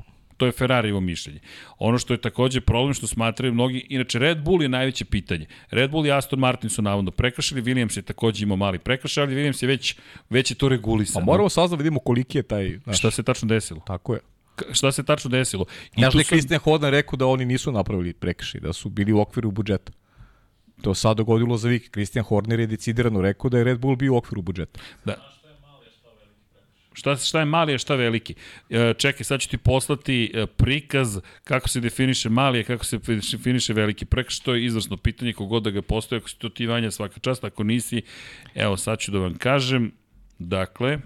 A šta je mali? To je nešto do... Ovako. A minor overspend breach. Evo, šaljem ti fotkice čisto da i publika može da vidi. I material overspend... Kako? Ima i donacija, da pročitam. Čekaj, Zoran Cimeša, 100 norveških kruna. Hvala, Zorane. Ljudi, kad već pričamo o parama, čing, ča, ča, čing, uh, zamolit ću vas za dve stvari. 9656, UNICEF, ko može da podrži dečicu 200-500, dakle čak nije ni za nas, dakle da ne, da ne pomislite da tražim nešto za nas, a drugo može i za nas, kliknite tamo dolar čing ili kupite nešto, ova ekipa je self-sustained, mi smo, vidi čovječe, mi smo samo održiva ekipa, mi smo primer ekološke pozitive. Nema velikih sponzora, nema korporativnog rada. Ono malo sponzora što dođe, mi završimo posao i kažemo to je to, ne, ne menjamo svoje stavove. Evo, neko nas je optužio prošle nedelje da smo Red Bullovi ljudi, ako Red Bull ovo sluša, mogu vam zagarantovati da ugovor nikada neće biti produžen više sa nama, ali mi nećemo odustati od nas, ali ekipa iz Red Bulla pohvali za njih. Gde ti je Red Bull, nema? E, nema, nema. Dakle, kada govorimo o Red Bullu, hvala im na čemu? Nikad nisu ni tražili da ne pričamo ono što ne mislimo. Tako da su stvarno super bili i kao i, evo, neću ni spomenuti njihovu konkurenciju pre njih, rekli su sve, ne, ne, vaš posao je da radite vaš posao. Tako da, hvala. A Zato kada je, već jed, šaljem... Jedino tako i možda bude. Tako je. Pa mi samo i na to Pos, pristajemo. Posla onda nema. Da, mi, tu, tu smo dosta jednostavni. O, ne može drugačije. Elem, Vanja, šaljem ti upravo, vidjet ćeš ovde, ali ću ti poslati još jedan ekran, to je još jedan snimak a to će ti biti, to je tek oduševljenje. Dakle, otežavajući i, o, otežavajuće i olakšavajuće okolnosti. Ma da. Zašto olakšavajuće okolnosti? Zašto si prekršio budžet koji smo ti ograničili? Za sve postoji rešenje, vidi. Vole bih da upoznam pravnika koji je ovo pisao. Znaš kako kažu pravnici? Čuvam te od samog sebe. Pravnik je pisao tako da, kažem Tako je. Evo, Vanja, ubacili smo, da pa možemo kad budeš pre... Evo, dakle, minor overspend breach ili ti manji prekršaj u prekomernoj potrošnji.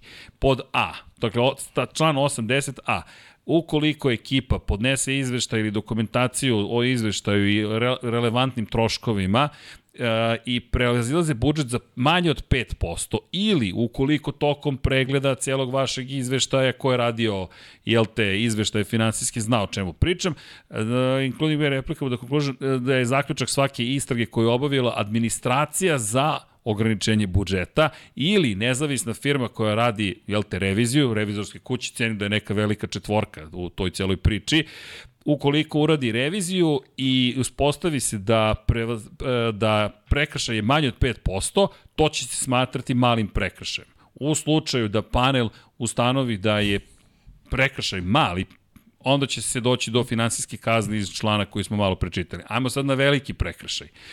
Dakle, mali prekršaj je 5%. E sad, 5% na 145 miliona je A nije mnogo, šta je to? Vasitnica. Koliko? 8 miliona. Nije, jeste 7, 7 zapite nešto. 7,75, je li tako sam dobro izračunao? Ne, ne, ne zamerite mi. Na brzinu Tako, ovako. tako. Ali u svakom slučaju, materijalni prekršaj, ne, ne, vrati, vrati, vrati, vrati, vrati, vrati, vrati, vrati, vrati. Uh, to, je, to su olakšavajuće i okolnosti. Sad ne mogu da vam pročitam. Vrati, Vanja. To, evo ga. Dakle, ukoliko je preko 5%. E sad, znaš kako, 5%, pa 5% može da bude i 100% budžeta prekršaj. Može da bude i 30%, može i 6%. I onda dolazi panel koji će stanoviti težinu vašeg prekršaja. Jer šta je pa 8 miliona ekstra para? Jesam dobro izračunovanje? Čekaj da vidimo, da ne budemo lenji. 145, je li tako? Puta tačka 0,5. 7.25, nisam 7.75, nego 7.25. Hvala. Hvala kolega, nisam, dodao, dodao sam neku polovinu negde uspod. Dobro, samo 7 miliona si prekršio i onda ti je prekršiš budžet za 7,2 miliona i to je manji prekršaj. A 7,2 može da ti bude nova šasija. NPR. Samo sam ubacio novu šasiju. Koja? Pa, zato su, realno su i u pravu Matija Binotto. Znaš, to su Mali prekršaj je u stvari ozbiljan prekršaj. mali prekršaj, veliki prekršaj. Pa da. Jer, znaš kako, 5% na ništicu i dalje ništica, ali 5% na mnogo para i dalje mnogo para. To je igra velikih Evo je brojki. matematiku Alan Forda. Ovaj. Pa dobro, ali znaš da ti, ti si uhvatio referencu.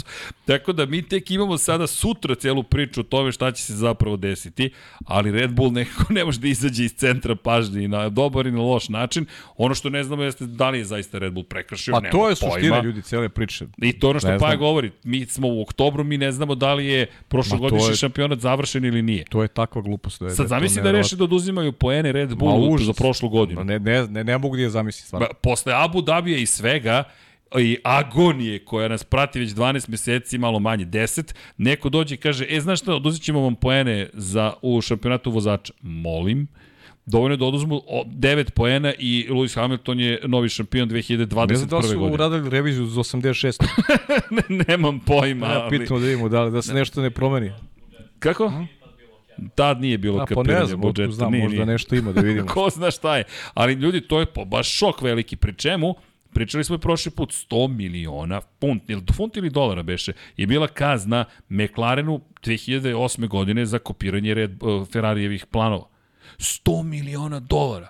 E, to je kazna. To je kad te neko dođe i kaznite. Pa dobro, kažem, pričali smo o tome. Ajde, Ali ajmo, idemo dalje. Elem, činjenica, sporaći, lepo si ih nazvao, To to, ali da. mi imamo dramu, trka se završila, mi smo imali Mislim da smo absolvirali ovu temu, toga. nema šta Jeste. da... Idemo dalje. Idemo do Leclerca. Ajmo do Leclerc. Idemo do Leclerca, zašto... Kako? Poslednja slika. Aha, otežavajuće okolnosti. Ajde, Vanja, da ispoštujemo, slažem se, pravo si.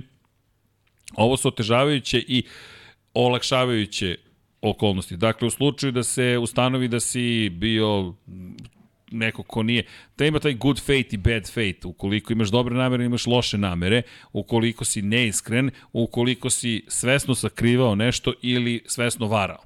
Zatim, ukoliko imaš višestruke prekršaje finansijskog pravilnika i zapravo pogrešaka, to je kršenja kada je reč o periodu izveštavanja, dakle, ako si, ili koliko izvinite, ukoliko si to prekršio, zatim imaš u kontekstu toga da nisi na vreme postavio, do, dostavio izveštaje, zatim quantum of breach of cost cap, ovo sad ne razumijem šta žele da kažu kroz quantum of breach of cost cap, ali hajde, e, i ukoliko ne želiš da sarađuješ zapravo sa ljudima koji su u administraciji zaduženoj za regulisanje ograničenja budžeta. Koje smo sve reči uveli u Formulu 1 samo da bismo došli do, do, do, do, do, do ovoga. Dakle, ne, samo mi ovo nije jasno, ovo kvantni prekršaj. Ok, izvinite što stvarno ne razumem quantum of breach. E, možda pa možda količina određena, ne, ne znam, možda je kvantum u tom kontekstu, ali to je određena količina, dakle, pretpostavljam, ali to se valjda meri gore kroz procente, to je jednostavno, i olakšavajući, olakšavajući okolnosti, ukoliko dobrovoljno otkriješ da si prekršio pravilnik, dakle, dođeš i priznaš, ukoliko imaš bi, istoriju, Balkanski špijun. Balkanski špijun. Balkanski špijun. Priznaj. Zatim, ukoliko imaš istorijat toga da poštuješ finansijski pravilnik u prethodnim godinama, što ne postoji jer je ovo prva godina u kojoj je pri, pri, prijavljeno, ukoliko imaš nepredviđene okolnosti, tako, dakle višu silu, force majeure events, i ukoliko imaš potpunu i neometanu saradnju sa administracijom za regulisanje budžeta. Imam čudan osjećaj da će neko ili priznati, ili da će u potpunosti sarađivati, ili da će dokazati da je u pitanju viša sila ili šta god. Kako god, ne govorim ništa ni protiv Red Bulla, ni Aston Martina, ni Williamsa. Red Bull jeste u centru pažnje, što neko reče da nisu osvojili titulu, ne bi ni bili u tolikom centru pažnje. Da, da nisu osvojili titulu, ne bi bili u tolikom centru pažnje, ali baš zato osvojili su titulu i to je tema koja će nas izgleda pratiti. Ali, ko, ko su nam još trkači? Ajde, Ili za, za bole me glava. Za, za bole. Nisi jedini.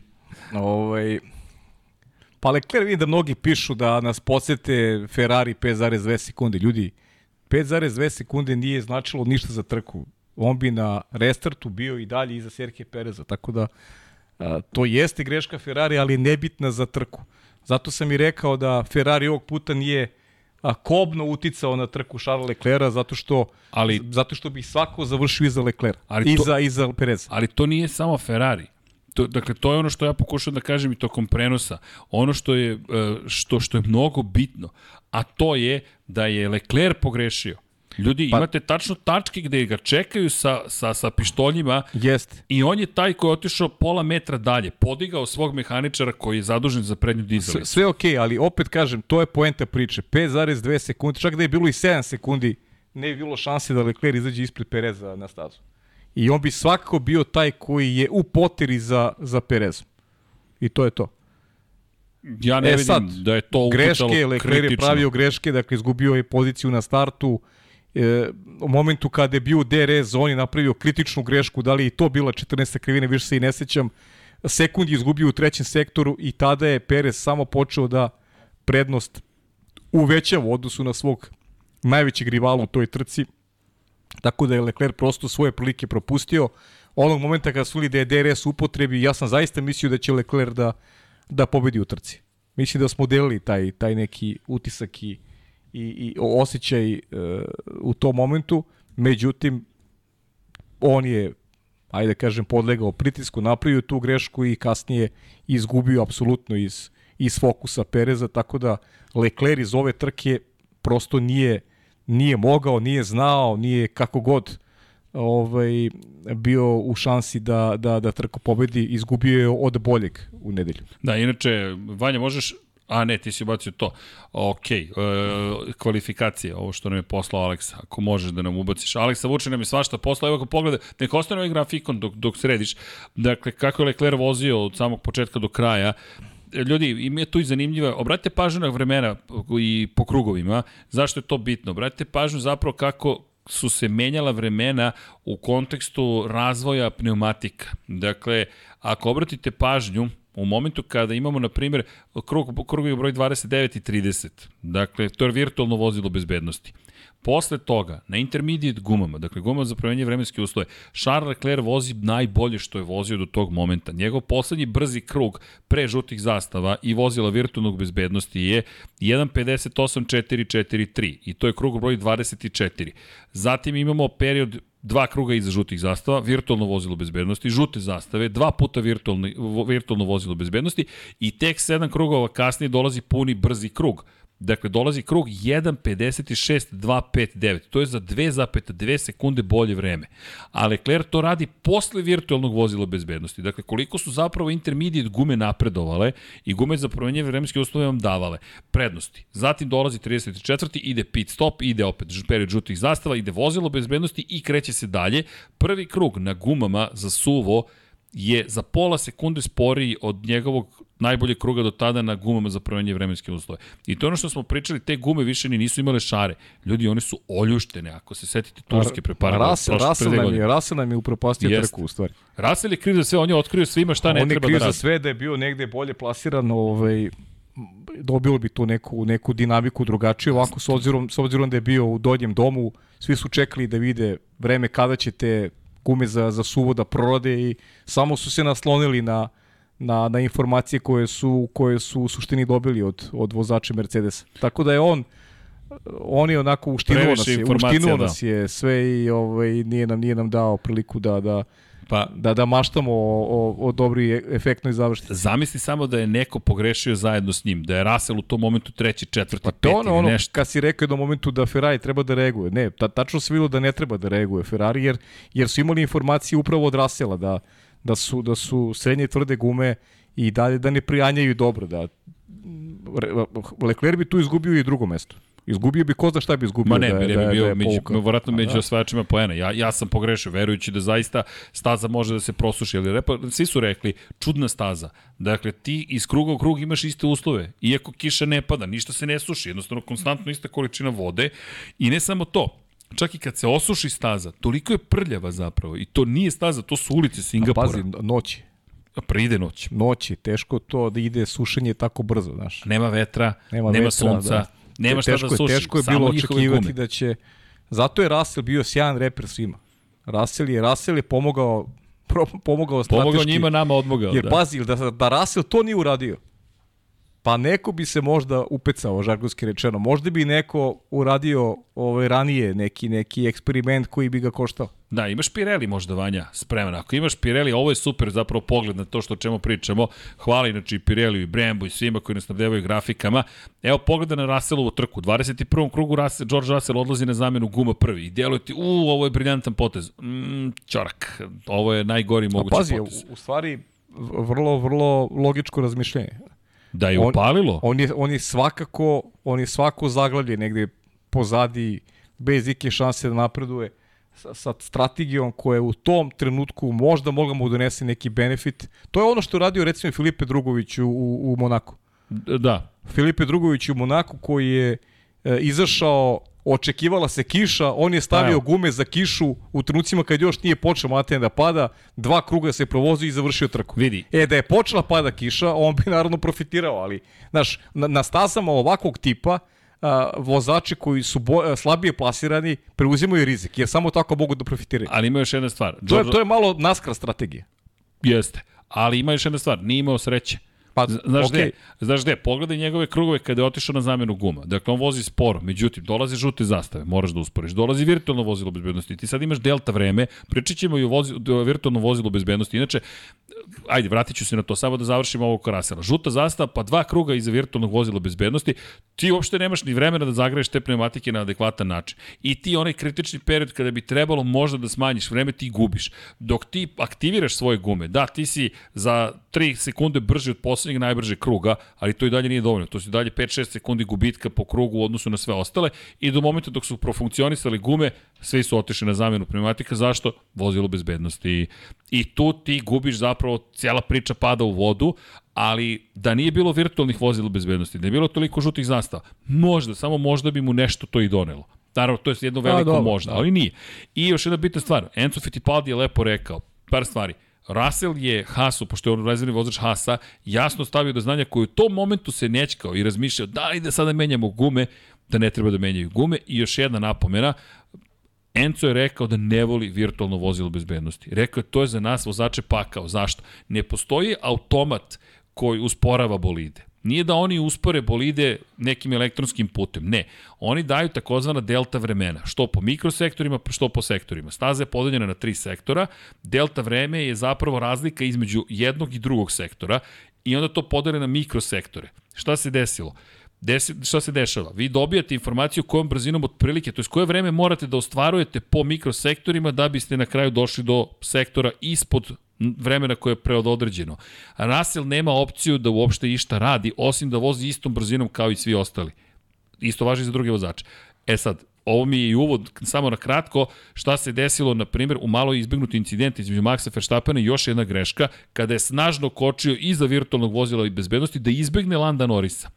I rekao je Norris, to mi je bilo fascinantno, ja sam vozio ispod dozvoljenog vremena, dakle brže nego što je dozvoljeno, ali je Max vozio mnogo brže od onoga što je dozvoljeno. Kad se pitate kako je moguće da iza virtualnog vozila bezbednosti neko uspe da smanji razliku, to je igra zapravo toga da vozači sami određuju brzinu kojom se kreću. Max, ako se sećaš, ima da, ono pa da, kočenje, da, uništu, opet upropastio gume. Pa dobro, i nije se jednom dogodilo da, da neko nadoknadi razliku kada Tako je Pa i prošle godine. Proš, pa i prošle trkama. godine i bilo je toga i preprošle sezone. Tako. da. Samo da konstatujemo da i to faktor o kome treba razmišljati. Baš kompleksna trka. I to čini, Dobro, i- apropo i- Pereza i svih ostalih Moram ti uspeh veći. priznam da se ja slažem sa Enzo Fittipaldijem i o tome smo i govorili Jesmo. ranije vezano za a mnogo je, mnogo je bolje, pritom na ovakvim stazima ja ne razumem zbog čega uh, virtualno vozilo bezbednosti znak kada je vrlo je- jednostavno rešenje vozilo bezbednosti. Ne, moraš da I imaš. mislim da je prikladno za ovakvu stazu. E, Prva reakcija je bila ispravna sa prvim vozilom bezbednosti.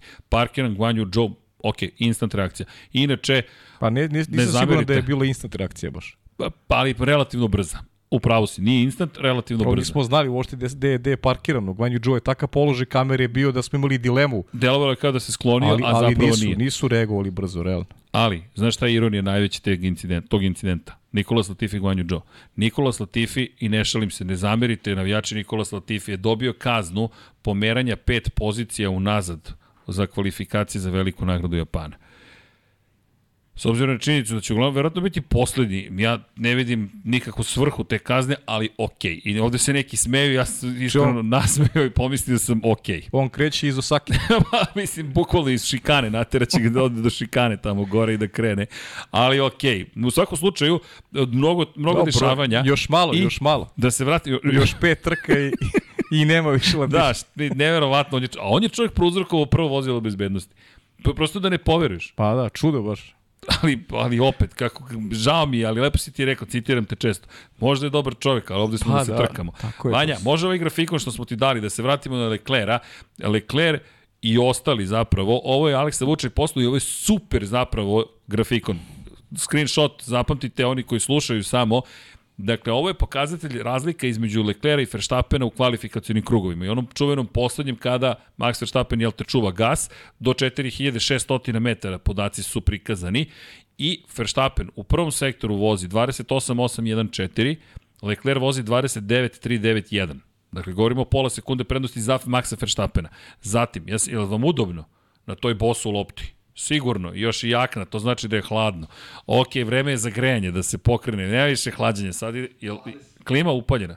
Ugasi, Vanja, klimu, ako je to zbog mene, umreće nam ljudi ovde, dakle, ko u frižideru. Izvinite što ste kao šnicle, ali to ja tako malo imam neki problem sa klima uređajem internim godine, šta ćete? U svakom slučaju, u sektoru 2, 41, 274 Verstappen, 41, 602 Leclerc. Dakle, razlika je skoro 4 desetinke, 3,5 desetinke u korist Maxa Verstappena u tom sektoru, dakle po sektorima. Do 4600 metara. Verstappenovo vreme je 87,298, Leclerovo 88,512, što je 1,2 sekunde prednosti u korist Maxa Verstappena. Velike su šanse da bi zaista bio na pol poziciji, čisto da dopunimo, Aleksa inače je ozbiljno zauzet. Ja ne znam kako on uspeo da izvede uopšte da nam pošalje grafikone, ja koliko znam da li dok diplomira, magistrira, ne znam šta radi. Nešto slično. Školuje A magistrira na ovome. Defin... Ej, da li znate, neću da otkrijemo, ali završili smo i u internoj komunikaciji u njegovoj kompaniji, pitaću ga da li smem više o tome da pričam, ali je, da ne spomenjam kompaniju, ali je iskoristio to što dostavlja u Lab 76 da prezentuje zapravo kakve su sve mogućnosti kada analizirate podatke i vizualizujete isto, tako da eto, hvala svima. A kada govorimo o tome, pozdrav za Šelu Čebirić, našu koja je isto to radila, pa eno je u Red Bull Racingu.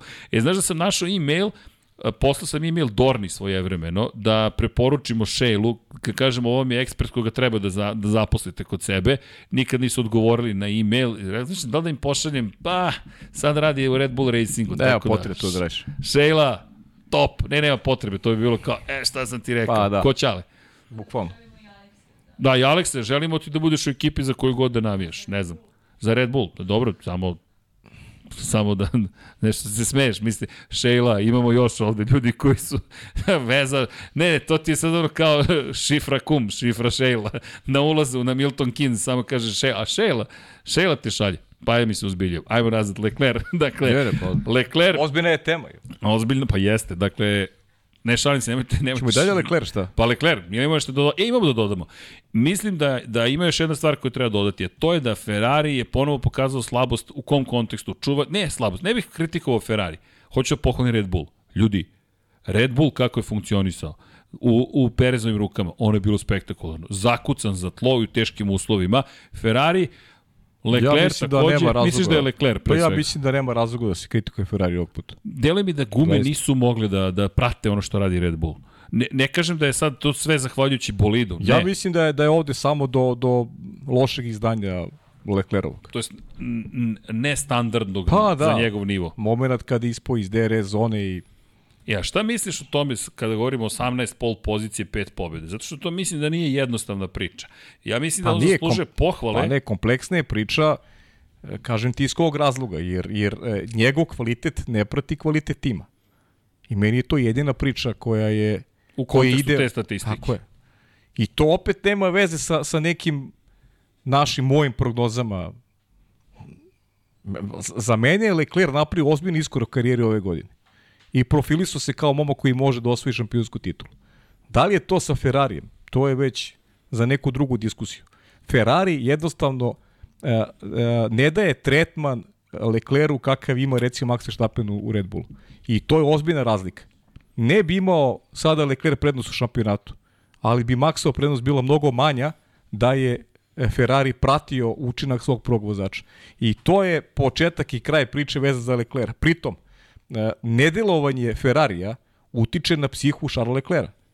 I ti si u svakoj trci a, nisi opušten jer nemaš predstavu o tome da, da će tim odreagovati kako treba. Mora da razmišljaš o milion drugih stvari, o, o, o, o stvarima o kojima Max Verstappen ne mora da razmišlja. Evo, njemu sad dogodilo da, da, je ekipa, da je ekipa zakazala. Ali kada se to posljednje put dogodilo? A Ferrariju se konstantno dešava, kažem, ovu trku ne računam, mislim da Ferrari nije uticao na, na Leclerovu trku, ali ove godine je bilo toliko mnogo situacija u kojima su oni morali da uh, ispoštuju prvog vozača, da njemu prilagode strategiju, oni to nisu uradili. E sad, vraćamo se opet na neke, na neke stare teme, nije Pa mi da. to namera da se ponavljamo jer imamo još Ali samo što šta kratko. da analiziramo, ali Evo, možemo... Mislim da je, da je Leclerc neće osvojiti titulu, ali Leclerc može da bude ponosan i zadovoljan učinkom u, u tekućoj sezoni. Ima jedna tu stvar koju bih napomenuo. Ne znam s kim sam pričao, ali komentar je bio, pa samo Max ima sve potaman. U kontekstu toga da je samo Max taj koji zaista ima uz sebe i ekipu i jasan status broja 1 kako i bolid koji je pobednički. Pa ima i je- Hamilton, kako? E sad, e, to je, to je pitanje. I onda da li je jedini ili Nije postoji jedini. Pa nije još neko. kako? Ali postoji Hamilton. jedan problem. Nema pobednički bolid, to jest nema bolid koji može da se bori za ono što je... Mada Hamilton, doći ćemo i do njega. Koliko je bio dobar u subotu u jednom momentu, toliko je bio katastrofan. Zaista loš, veoma. Neočekivano loš u nedelju. Mislim, Ali- mislim da je, da je pritisak, u stvari uh, želja i osjećaj da je mogao pobedi ga je ga je činio nervoznim jer mislim da je bilo drugačija trka da, da nije ostao iza Sainca. Sainc je spor. Sainc je realno spor. Sainc ne može da, da, da, prati, da prati dva Red Bulla i timsku kolegu. Surovo, ali njemu, njemu, kao i trebaju, njemu trebaju vanredne okolnosti. Ili ima neki navijač Sainca, samo da vidimo ovde u publici. Ima neki navijač Ferrarija, čekaj. Sve u pravu. Sve u pravu, pa evo. Kako?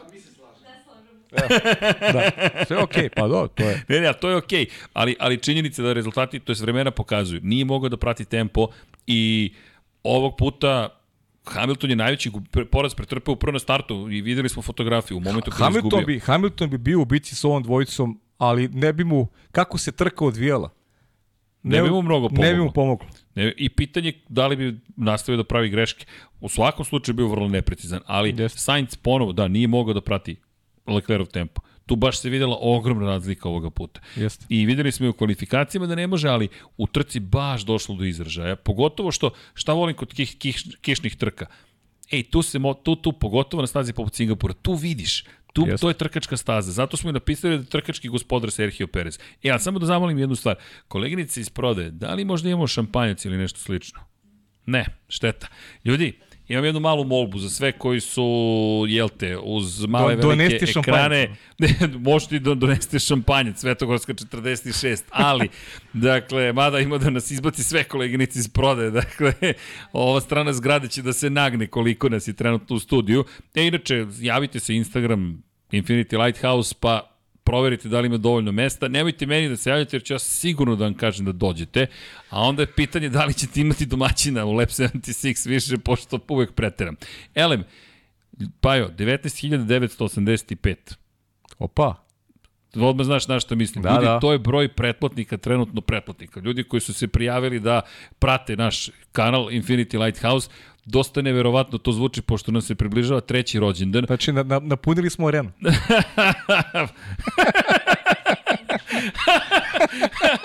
ok, seci Vanja. Sad samo više internet prestaje da radi. ok, i tim rečima da vas zamolimo za 20.000 subscribera. Dakle, navijači Hamiltona, Ferrarija, Leclera, Maxa Verstappena, Serhija Pereza, koga god, ljubitelji nekih drugih možda podcasta koji se, jel te, no, koji su pod okriljem Infinity Lighthouse, pod kapicom, naravno, 99 yardi, Kosmos 76 i tako dalje. Udrite subscribe, ko nije. Cenim da vas ima 15 tokom ovog prenosa koji niste kliknuli. Nećemo vas previše gnjaviti, nemamo mi tako mnogo, mi imamo 3-4 videa nedeljno maksimalno za sada, ako dođemo 30-40 sve ćemo razumeti, ali eto, ukoliko vam nije problem, jedan klikić, subscribe-ić i evo 9990, to, ajmo drugari još 10 komada, čisto da bude, evo ovde imamo ja, čekajte, non-subscribed human oh. in studio. Sad sledeći put kuđe na vrata. Prvo, pokaži da si subscribe-ovan. ulaznica, to je ulaznica. ulaznica u studio. Ali da, eto, ako imamo još 10 ljudi raspoloženih da udari subscribe, dođe smo do 20.000. Pa lepo je. Jeste za šampanjac. Jeste za šampanjac. Vanja, de, is, is, Va... hladiš? Nema to kod njega. 9993. Čeka, ovo je zbudljivo. Dakle, ajmo ljudi, izvinite za intermeco, ali ne zamerite. Još 7 ljudi, 20.000 i onda lično zove YouTube. Wow. E, ali kao što smo rekli, nigde ne žurimo, mi polako to grad. Neko mi je rekao, vi to stvarno organski, stvarno organski. Pa, šta, kako ćeš drugačije, pričaš sa ljudima, to se zove organski, da. Ali dobro, dakle, 9996, idemo! Čekaj, screenshotove hvatam ovde, da li možemo da dođemo do 20.000, 9998, pazi, ovo... Još malo, 19.998, znaš, se zagledamo na 1998, YouTube kaže, a, znamo šta radiš. Strajk, ne daj Bože. Ali dobro. Jo, znači, bit će 20, 20 tvoje večer. Još dvoje raspoloženih ljudi, gledam ovde po studiju pažljivo, ali nema nikoga ko nije subscribe-ovan više. 20.001, to! Hvala ljudi. Kakav bravo, trenutak. Bravo. Super. Ej, mnogo lepo osjećaj. Hvala. Sad će YouTube da nam izlaci porudu. Imate preko 20.000 subscribera. Stvarno, znamo, pratimo. E, ali ljudi, mnogo lepo osjećaj. Hvala vam na tome, zaista. Baš je onako zabavno. Evo, 20.006, to, verovatno kasnije. Idemo do 30.000 ovo večer. do 30.000. I dalje nemamo šampanjac. Da. Šta da vam kažem?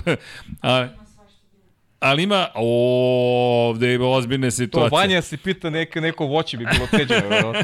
Proteinski šejk neki, on je jedino da je zdrav čovjek, ali da. dobro. I ti, Luka, te gledam te pažljivo. Dakle, ti si, koliko si napunio? 16 si napunio, jao. Pa kad si ti imao 16? Moja generacija. To je. I tako. Elem, apropo generacija, dakle, hvala ljudi, ovo je baš lep trenutak, dakle, imamo, imamo zabeleženo na, na kamerama, 20.012, uh, o, i da, udrite subscribe, ljudi, lepo je, pomaže svakako, a kada govorimo o, o, o trci, dakle, apropo Leclerca, Sainca, mislim da smo se tu, jel te, dotakli pa da, ključnih momenta. Što se tiče Ferrarija, samo bih napomenuo i to je Matija Binotto izjavio, rekao je da smatra da su došli do važne tačke u kontekstu bolje egzekucije, to jest boljeg sprovođenja u delo planova i strategije. Dakle, došli smo do toga da su najzad uradili strategiju kako treba. Pa dobro, krajem slučaju ti voliš to da kažeš, ako se ja sa tim ne slaže da je njima bitno da budu drugi u generalnom plasmanu. Ja mislim da ali, jest. Pa eto, tu su napravili korak i sad, uh, ja kaže za Sainca samo da, da nije, nije rang Charles Leclerca, ali za tim uradio posao. Držao iza sebe Luisa Hamiltona, došao do podijuma, ok rezultat. Jeste ok rezultat. Kad gledaš timski, kad gledaš timski, to je ok rezultat. Ali vidi, i to je uh, pokazatelj jednog ozbiljnog napretka za Ferrari. Nisam ni sarkastičan, ni ciničan, ni ironičan, ništa od toga. Kada mi dođemo do toga da je Carlos Sainz nezadovoljan trećom pozicijom, Ljudi, prošle godine Ferrari je te uspehe slavio. Popeli smo se na pobjedničko postolje. Ferrari je sada nezadovoljan zato što je treći. To je dobar znak. To je zapravo super znak. Znaš šta, u suštini vozači ko vozači tu malo šta ima da im se zameri, a najveća zamerka sa ovog stola ide, ide ka timu. Mislim da tim nije dobro vođen i to je suština cele priče. Ne mislim da bi bili šampioni e, pored ovakvog Red Bulla i Maxa Verstappena, ali drugačije bi pričali o, o, o svemu ovoj sezoni, da su oni imali malo više sluha i da imaju bolju podelu oko toga kome treba i u kom trenutku ukazati poverenje. E, to je sad ona priča koju je uh, potegao i naš dragi kolega Zoran Živkov i pričali smo ovde i sa Dekijem, dakle, bit će vremena na kraju za analizu ovaj, kad je Ferrari u pitanju, ima tu svašta još da se kaže generalno Vidjet ćemo kako će on izgledati naredne godine, kako će tim izgledati, da li će ostati Matija Binoto na poziciji na kojoj jeste i Ali, tako dalje tako dalje. Vidi, Pavle, ajmo da pogledamo malo, malo stvari iz druge perspektive. Ti si upozoravao na početku godine, kada sam ja bio pretrano optimističan za Ferrari, da treba da budem strpljiv, da je Ferrari znao da gubi te prednosti. To se ponovilo. Ono što je pozitivno, makar su se vratili na poziciju koja mnogo više liči na Ferrari. Zabeležene su pobede, stano su na pobedničkom postolju. Problem je što sada ponovo nije bilo pobede, iako nije bilo Verstappena u igri, ali bez obzira, mislim da je to zaista napredak da, ali, koji, ne smi... koji treba da im bude nešto pozitivno. Ok, da, da možemo i da konstatujemo, ali Ferrari tim koji ne sme time da se zadovolji. Znaš, dugo, dugo čekaju i titulu i kad ne sme da propuštaju više takve prilike da, da, da budu konstantniji i da Leclera koji je njihov glavni adut da mu omoguće da ima a, onako, da je, da je, politika, sam sa, politika. da je sam sa sobom u boljem balansu. Politika, da kaže, politika. ok, ja mogu, ne možda ove godine, da imam veću sigurnost u ekipu, u ono što radim, u mogućnost da osvojim titulu, jer, jer to je proces. To je ono što pričamo, gde je prednost Maxa Verstappena u odnosu na generaciju. Pa to je ono što je Lando Norris ističe. Konstantno, koliko je, koliko je Max brz, koliko je privilegovan što kada doći do smene generacije, neminovno ona već polako, polako smo u tom se. procesu, nema više Sebastijana Fetela, pitanje, mada za Luisa Hamiltona čekam da dođemo do te teme, spekuliše se da će potpisati novi ugovor za da. Mercedes, dakle Luis koji ne namerava u penziju, ali generalno jednom momentu će ti momci ostati sami na stazi, bez Alonca, bez Hamiltona. To je neminovan proces. To je priroda. I u tom procesu, ko će imati najbolju šansu? Ko će imati... Pa već je ima. Već ima. Već I ko ima će imati prednosti ali... odabiru drugih ekipa koje možda budu bile Izvini. potentne tada da, da, da, da imaju bolid koji je šampionski. Pa tražit će najboljeg vozača. Ali to je ono što, što, što sam malo pre... Ne ja, neko, ne znam koga citiram više, ne mogu setiti koliko smo pričali, svaki put sretnem nekoga i ko je raspoložen za Formula za MotoGP i samo napred ljudi. Dakle, da. tu mi volimo da prepričamo o tome. Dakle, reka je upravo to. Kada pogledaš ko ima, ok, Hamilton, čak i tu, ajde, ja nisam siguran da Hamilton više ima toliko prednost u odnosu na George Russella. Mada, mislim da si ti, mnogo, ja da si da ti više u pravu. Mislim da, da je da on taj na koga mora i dalje da se oslanja. On može da bude osmostruki šampion sveta. Russell ukoliko osvoji titulu, to je tek prva. Tek, ljudi, to je ne, nevjerovatno, ali Hamilton ih ima sedam. Dakle, mi govorimo o istoriji. E sad, apropo, Charles Leclerc, Nije ja, u toj izvini, poziciji. Mislim da se vidi razlike između Hamiltona i Russella kad Hamilton prepozna šansu na nekoj stazi. Pa to se videlo u kvalifikacijama ovde. Kad god on prepozna šansu negde, vidi se razlika. Pa evo tih kvalifikacija. Russell nije stigao do Q3 dela kvalifikacija. Hamilton je bio u borbi za pol poziciju do poslednjeg trenutka. I spektakularno je vozio uh, sektor broj 2. Srednji sektor. Mi smo bili potpuno oduševljeni vremenima koje je ostvarivao.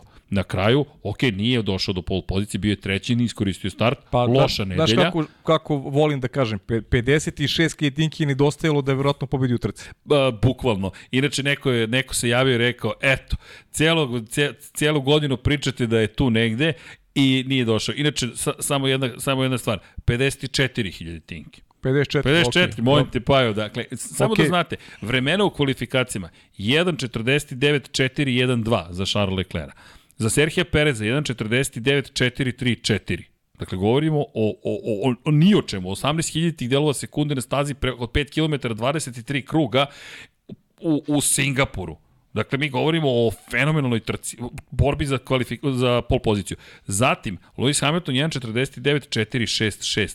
Tu su samo 54.000 tinke. E, jer sam pročitao negde tweet, eto, kleli ste se u Hamiltona, u Singapuru i ništa. Ljudi, 54.000 tinke. Zamislite da je startovao prvi ili možda još bolje drugi. Ali sad, šta bi bilo kad bi bilo, ko zna šta bi bilo. U svakom slučaju, zaista u subotu smo videli upravo to o čemu govoriš, kada se ukaže prilika Hamilton će biti tu. Nego da se vratimo samo na kratko, dakle Verstappen ima sve potaman, bukvalno ga ima, Charles nema. Charles, pitanje šta će se tu desiti, a ne vidim treći tim pored Mercedesa da može da dosegne ovaj nivo. Činjenica, pohvalit ću, možemo i da pređemo dalje, Landa Norisa. Možemo da pređemo Lando dalje, pa ne samo ej, Landu, nego McLarenu. I Pa i Ricardo. Daniel Ricardo sa 18. na petom mestu. Ko navija za Ricarda ovde? Mora neko da navija za Ricarda. Niko za Ricarda. Kako? Simpatičan je. simpatičan je, dobro. Jeste simpatičan. Pa jeste. jeste. Ne može da se ospori. Ali bio je loš u kvalifikacijama, ne, 16. u kvalifikacijama, ne 18. i došao do pete pozicije. Bravo, ogromni poeni, 10 poena za Ricarda, 12 poena za Norisa. Inače, opet Noris je ostavio Ricarda za preko pola minute kada, se, kada je krenulo ponovo trkanje. Ne nešto čime može da se pohvali, bez A, obzira dobro, na neke gume, ali nije da je bilo pre, pre, kritično. A, ono što kako? je kritično, ispred su Alpine. Da, o, ovo su bodovi koji mogu da budu kritični Pazi, na kraju. To je ozbiljna količina novca. Da. I Ricardo koji već ga negde i i ne gledamo kao vozača McLarena, a ovi poeni su mnogo, mnogo važni. Peta pozicija je dar sa neba, bukvalno. Za Landa smo pričali, u podcastu smo pričali prošle nedelje da od Landa očekujemo na ovoj stazi, pa on je taj koji može da negde poništi možda uh, performanse koji nisu idealne kada pričamo o McLarenu, da da, da pokaže taj vozački kvalitet na jednoj ovakvoj stazi i to četvrto mesto nije, nije nikakvo iznenađenje. Naprotiv, ja, ja sam od Landa nešto slično i, i očekivao, ali rezultat Ricarda... U jednom momentu čak je postojala šansa za, da, da skoči podijum, do pa pobjedičnog da, da. postolja. Sećaš se da, da je nešto bio u DRS zoni sa, sa Carlosom Saincem, ali mislim da je sam shvatio da, da je to gotovo nemoguće misije, tako da je Negdje ali, on na kraju čuvao ali, gume i završio trku sam. Ali ako pogledaš, pazi, pazi, pazi rezultate Landa Norrisa. Ljudi, e, ovo je cela sezona, brzo ću biti. 15. Ok, nema pojena, početak godine. 7. 5. 3. Odustaje, Miami. 8. 6. 9. 15. u Kanadi. 6. 7. 7. 7. 12. u Belgiji. 7. 7. 4. Ja ne znam šta više možemo da tražimo od njega. Konstantno. Ti si konstantno najbolji od ostatka sveta ti si stalno taj. Samo ti nedostaje McLaren. Apropo priče o Lecleru, Verstappenu, i pa i Hamiltonu. Me Hamiltonu trenutno nedostaje Mercedes. Pa i Georgeu Russellu, da ga ubacimo u tu celu priču kao eventualnom nasledniku. Pa da, naravno, pa naravno. I onda dolazi Lando Norris. Nedostaje ti McLaren. E to je ono što nedostaje. Ti kada ali, ali Norris... zato, ali, znaš, ali, to je ono kad možda proceniš uh, da neko izlači iz onoga što ima maksimum i da to radi stalno. Ono što recimo nema Pierre Gasly ove godine. A Lando ima već godinama unazad. Ti znaš, Super da, ti znaš da je McLaren u njegovim rukama nešto najbolje što trenutno ekipa može da ima. E, ima 100 poena To je sada. to. 100 poena, on je skupio 100 poena u ovoj sezoni. To je stvarno fenomen. Rekao sam ti, Lando mi je sledeći na listi onih... Da budemo tiši. Uspavali smo damu. da. šalim se, šalim se. Ne, ja se uvek loše šalim, tako da se naviknete. Izvini. Ali 100 poena, pazi, meni to pa isto da, neki super, lep super. moment, lep, lep, lep trenutak. S druge strane, Ricardo, neko se našalio pre ove trke, imaju više tetovaža nego poene u šampionatu, pošto smo dobili onu grafiku 21 tetovaža, do ove trke imao 19 poena, zaista ironično. I da vidim samo, da li treba da nabavimo još mesta? Imamo mi još stolica? Ne, ne, vi, okej. Okay. Aha, to je, to je neki... ne, imamo tamo, imamo dosta stolice. Aha, e, slobodno, sta, imamo tamo i ježeve za noge, ako hoćete stanete, vežbe za kičmu, sve, core strength. Po, ja, kao što vidite, pa ja redovno core, core strength. Da. to nam je prva vežba ujutro. Yes. Kad, kad ustanem, prvo e, to uradim. Mi imamo svu opremu, tako kao što možete vidjeti. Sva oprema postoji, jedino je Vanja koristi, to je jedina stvar. Ali dobro. Kako? Kozlić nemamo. Nemamo Kozlić, nemamo Kozlić. E, gde bismo uopšte, ok, gde bismo uopšte mogli da nabavimo Kozlić? Da ukrademo u nekoj školi. Nemoj pa. Šalim se, naravno. Ko ima Kozlić, neka se javi pol. Kako? Ne treba nam Kozlić, evo Vanja A, već da. reaguje, ne treba nam to u studiju, dobro. Ali da, Daniel Ricardo, ej, čestitke. Nije bilo lako, teška sezona, priča se da će biti rezervni vozač Mercedesa, dakle sve više izveštaja stiže na tu temu. Jeste, pa to je, eto, Čekamo. uz vest o Hamiltonu da će vjerati potpisati novi ugovor uh, Ricardo da bi mogao da bude takođe deo to Mercedesovog projekta kao test vozač. No, nije to ni zanimljivo. Cenim. Pa nije, ali, znaš, Pazi, pa evo. Ricardo test vozač malo je. Pa da, ali ajmo ovako. U momentu kada te niko neće, tebi Mercedes kaže mi te hoćemo. U, u jednom obliku. Hoćemo te i imaš priliku da sediš u simulatoru Mercedesa. Znaš, znaš šta, kako bi im- imalo smisla da, da Hamilton priprema sebe za neku skoru penziju, znaš. Ali to očigledno nije slučaj. A on je rekao, Pa da možda, neću eto skoro. Ricardo, da možda Ricardo ne znam, bude neka, ajde da kažem, neki, neki drugi vozač u projekciju koji će George Russell biti prvi, pa mi, ima smisla. Ovako, ne znam, ali dobro, svako ima, ima svoj Ima život svoj i život, ima, naravno. ima svoj način razmišljanja. Tako da I ono što je bitno u celoj priči, Hamilton, to jest ekipa Mercedesa je rekla da planira, to jest Toto Wolff je rekao, ljudi, dobro je što mi stalno pričamo među, mi vodimo razgovore i veruje da će se ugovor desiti, da je to, da uopšte to nije upitno, već da je samo pitanje kada će biti potpisan ugovor i to je to. Što mene raduje, ja bih volio da vidimo prosto Hamiltona u još jednoj, usp, jednoj dobroj sezoni. Ceo Mercedes rame uz rame sa Red Bullom i Ferrari rame uz rame sa njima i da onda imamo stvarno ono što, što, što, što toliko dugo Znaš priželjkujemo. kako, ja sam, ja sam rekao negde s početka ove sezone da od Hamiltona najviše očekujem sledeće godine i da je ta kritična neka njegova godina u borbi za tu osmu titulu koju, koju Žarko želi. Opet s druge strane gledamo Alonso kako vozi i to je, to je ono kad pravimo tu razliku između Alonsa, Hamiltona i Fetela. Zašto je Fetel uh, ljudi Fetel je mnogo brz vozač, kvalitetan vozač, ali Fetel ima drugačiji život, druge su mu percepcije, ima, ima porodicu, ima decu i, i on malo drugačije sada gleda na, na, na ono što je trkanje. Ova dvojica i dalje imaju tu strast i dalje su mi kao, kao neki dečaci željni, željni pobede i željni pobeda, tako da uh, Hamilton i Alonso i dalje mogu da, da ponude očigledno ovom sportu još mnogo.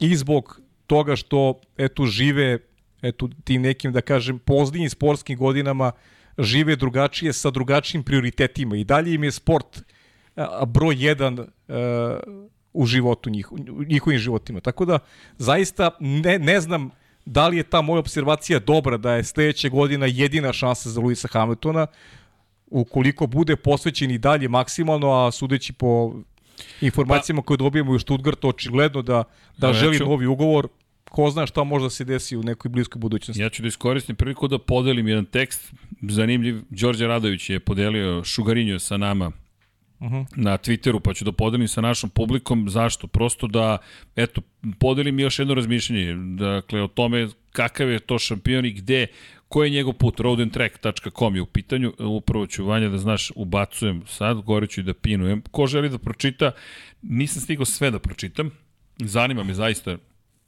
kakvo je mišljenje, ali negde upravo u tom smeru i, i ide tekst, da je jednostavno njegov život i ono što on želi od svog života i od svoje karijere nešto drugačije. I opis jeste upravo toga da on nije podizan na način na koji su ranije podizani šampioni i da njegov razvojni put, to je njegova penzija neće biti identična. On čovjek sad ide ka aktivizmu, ka nečem drugom sasvim. Mi to ranije nismo imali kada je reč o šampionima Formule 1. To ne znači ni da je dobro, ni da je loše. Dakle, govorim samo o tome da je drugačije. Ne donosim nikakav sud. Ono što se meni dopada u celoj priči jeste što je drugačiji.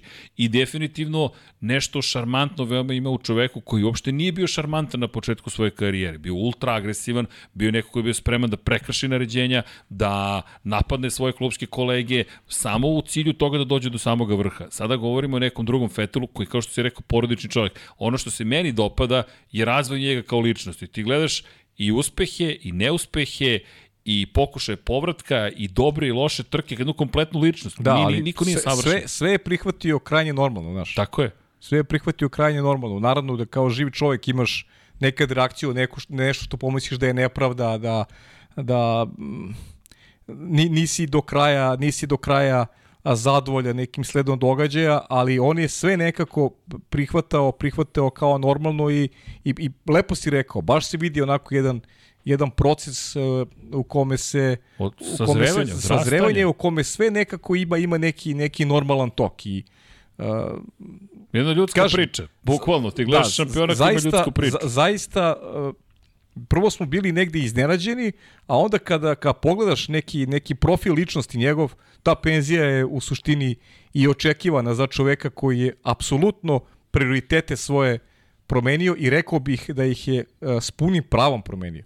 I treba da mu porodica bude prioritet. Jednostavno, jednostavno ovaj, ispunio se negde, ostvario se kao, kao sportista i sada ide nekim ide njegov život nekim nekim e, drugim tokom. I malo pre smo pročitali kako izgledala sezona Landa Norisa. Pročitaću, neću da vam kažem ko je u pitanju, ali neka bude uvod. Deveti, odustao. 17. odustao. 11. I sad, 9. 7. 7. 9. 5. 10. 6. 8. 5. 6. odustao, odustao. Izjava, da, znam na koga misliš. Da, izjava je da Nije teško. je količina odustajanja Alpine prosto neprihvatljiva i da Fernando Alonso, da, da ga je koštalo 60 poena do sada. Sad, četiri odustajanja u 17 trka, ne kažem da je malo, ali u novoj sezoni, novoj eri Formule 1 nije ni nužno neočekivano toliko. Da li ga je koštalo? I tekako Jeste. ga je koštalo. A ne zaboravimo, peti bio u kvalifikacijama. Jeste i ovo je bila prilika za ozbiljan rezultat. I za Alpinu da ne izgubi četvrtu poziciju u šampionatu konstruktora, Alpina sada ima 125, u poslednje dve trke ni jedan jedini poen nije osvojila. McLaren samo na ovoj trci je uspio da dođe do 22 pa, poena. Pa tužna trka, dva I 6 poena na prethodnom. 28 da. poena u dve trke su nadoknadili. Jeste. I iz te perspektive, razumem reči Fernanda Alonso, nikad nije ni štedeo ekipe u tom kontekstu, a ono što jeste problem, i oni Okon su odustali na gotovo istovetan način. Ali možemo kažemo da stvari, da stvari dolaze na svoje, realno. U Alpini? E, pa ne, generalno u šampionatu. Šampionatu? Pa da. Znaš, uh, možda sam čak negde video Alpinu, ne znam, u jednom momentu i kao ekipu koja je eto, na krilima Alonsa. Znaš zbog čega u stvari?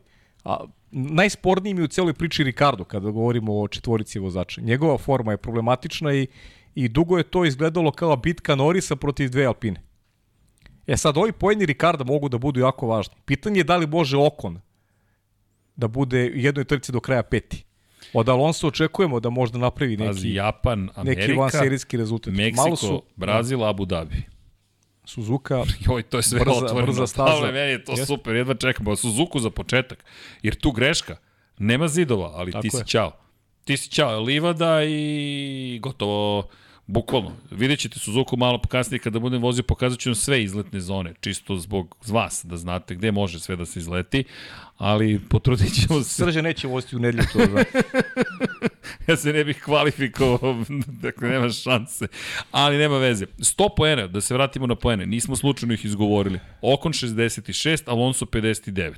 I ono što si lepo rekao, Norris protiv Alpina. Pa jeste, do da, sada. kažem, uvek je podrška drugog vozača, to jeste Ricardo, sa tim nekim vanserijskim rezultatom je vao, ovaj vanserijski rezultat realno. Jeste. Ja, sad samo zamisli, izvini, ok, stiže Novajlija, Oskar Pjastri, nemojte očekivati da odmah bude poput Landa Norisa. A moramo ali, da mu damo šansu, ali, ali bi mogao da bude bolji od Ricarda. Bolji od, od nekih drugih Novajlija. Pa, ajde, za, ja mislim da Ricardo uopšte nije loš loše merilo za narednu sezonu za Oskara Pjastri. Pazi, 100 poena Norris, 29 Ricardo.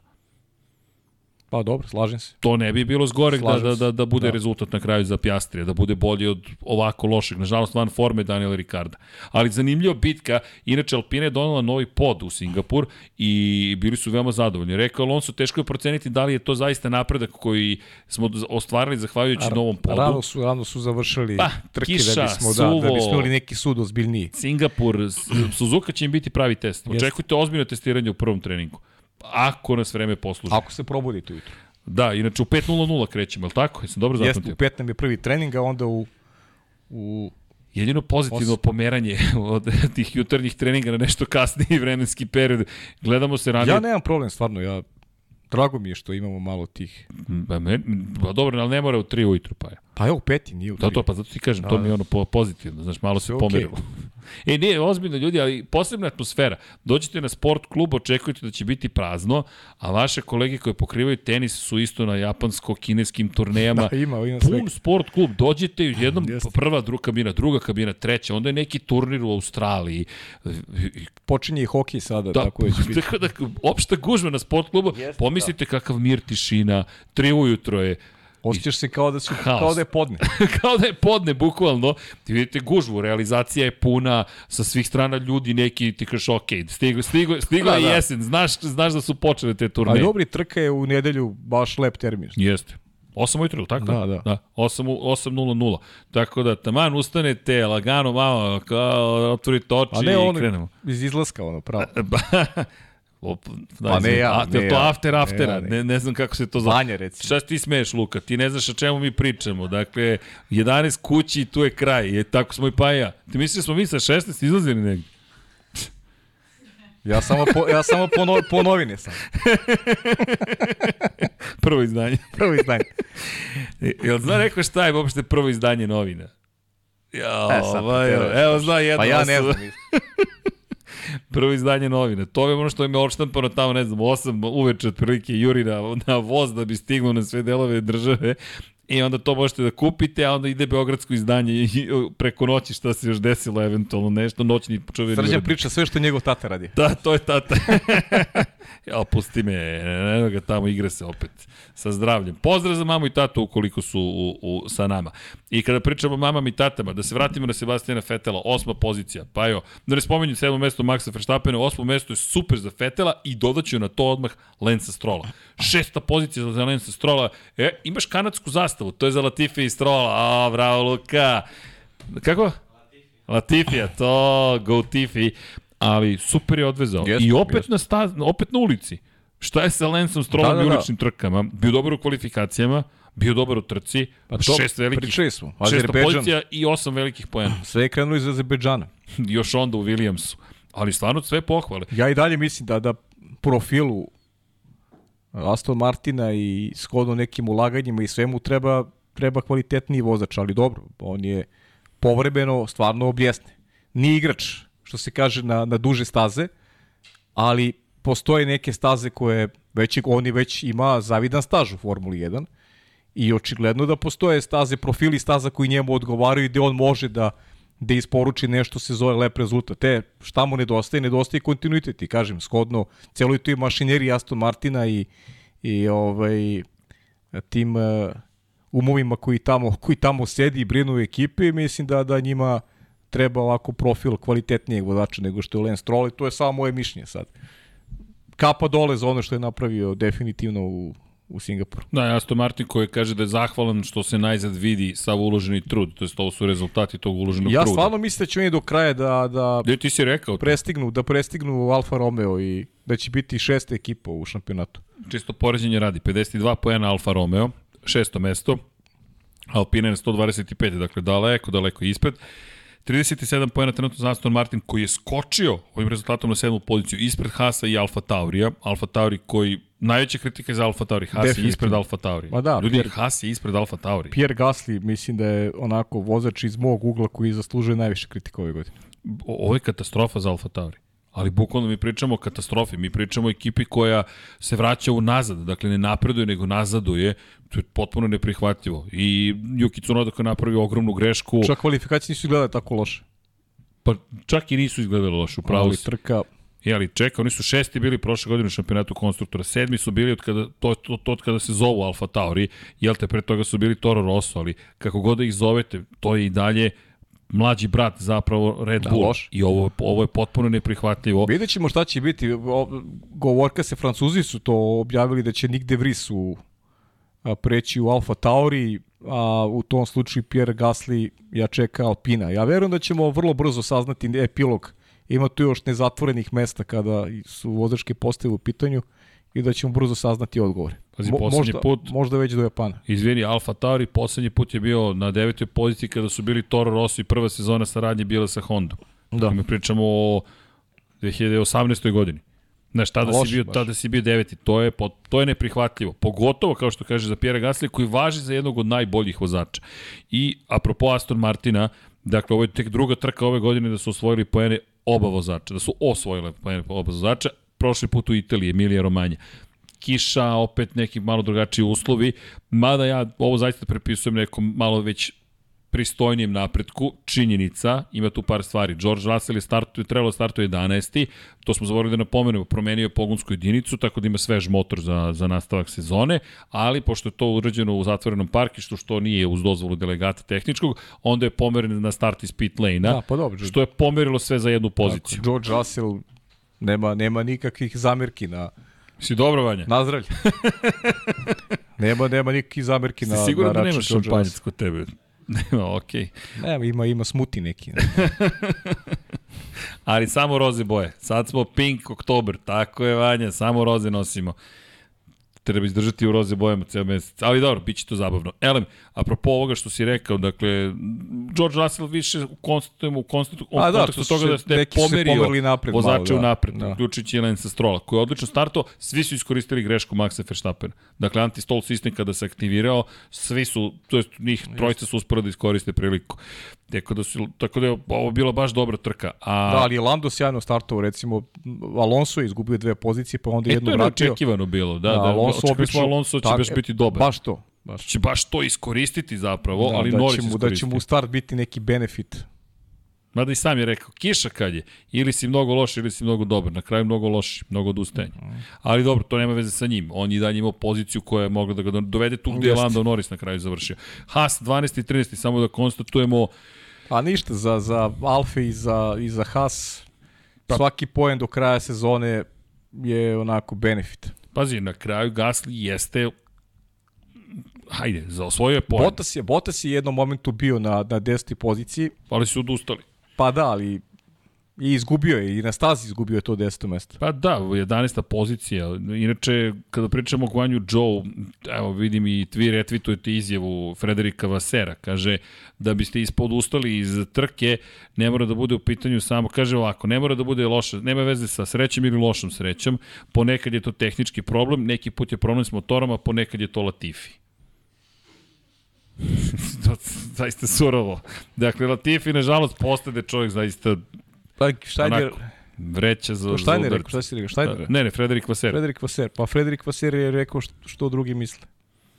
Da, ali, ali zaista, meni dalje ne znam, možda sam ja previše nežan, ali dobro.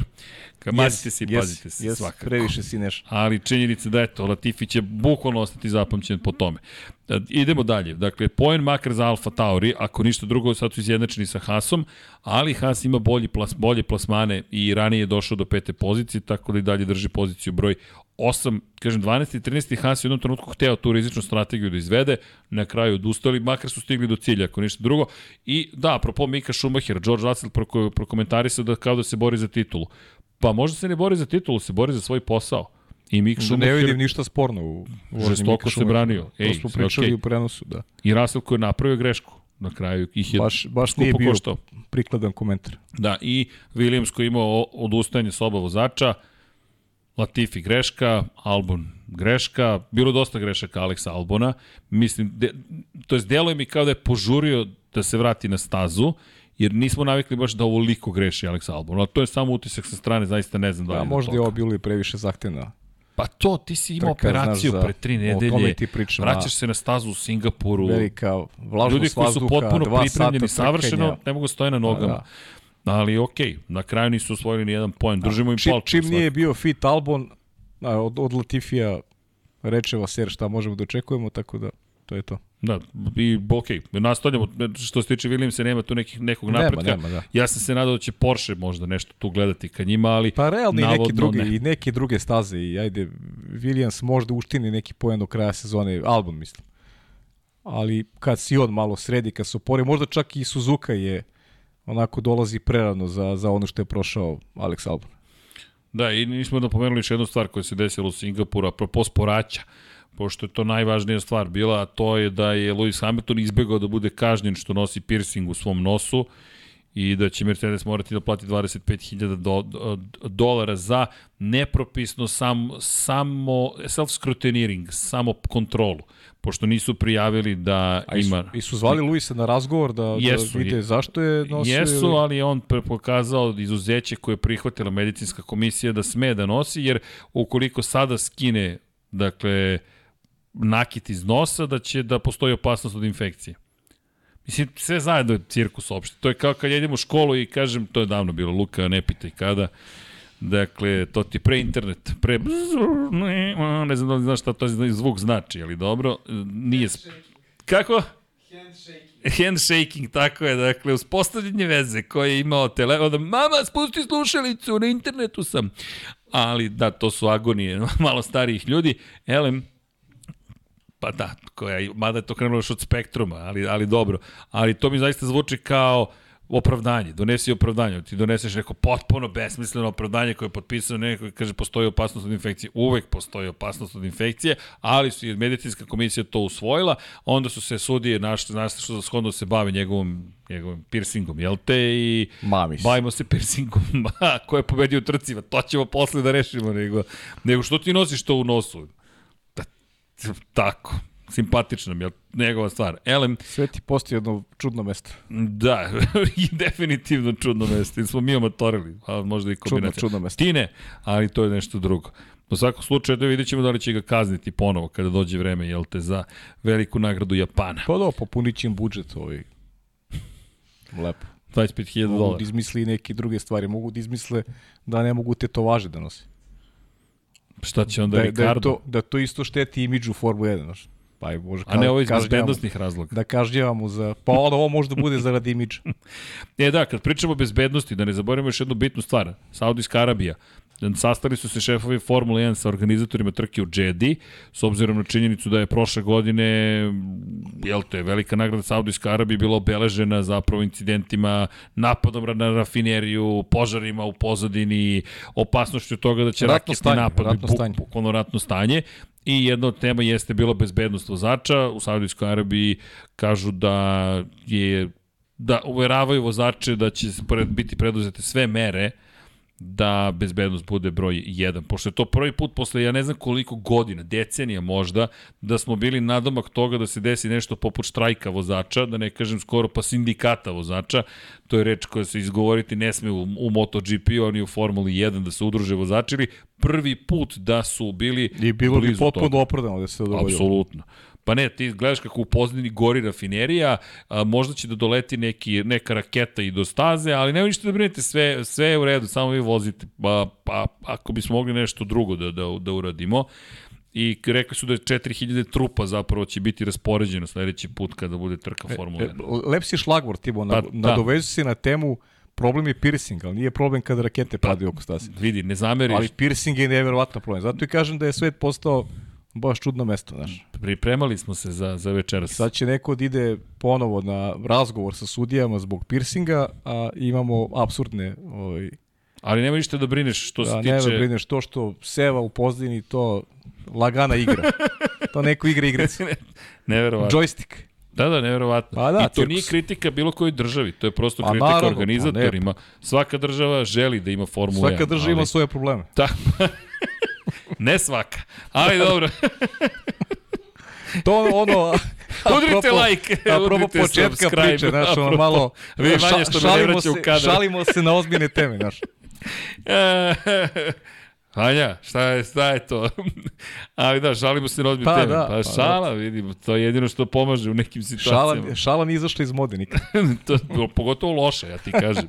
Loša šala je uvek moderna. Luka, zapamti to pravilo i ignoriši ga. Ovi, šta smo rekli za, jesmo absolvirali trku, a? Pa ja mislim da jesmo. Mislim, uvijek Jesmo, imaš da. još stvari koje možda... Spo... E da, Magnusen, da ne zaboravimo, naranđasto žuta, naranđasto žuta, naranđasto crna zastava, Magnusen, da. Ke Magnusen koji je rekao da počinje da smatra da Međunarodna automobilska federacija preteruje više sa kaznama tog tipa. Visilo je, granična ploča visila sa leve strane njegovog krila prednjeg i sad to je diskusija, da li će to da otpadne, neće da otpadne, da li će nekoga da zakači, neće. Kevin Magnussen samo rekao da smatra da je to već ozbiljno preterivanje i da je ekipa znala da, da, da niko nije ugrožen. Sad, Ja se ne slažem s pro Magnusom. kontra, znaš, vidi, Pa nikad ne možeš da znaš ti te. ne možeš da, ne znaš, možeš da upravo znaš. tako. I onda kad se dogodi nešto, šta ću da radim onda?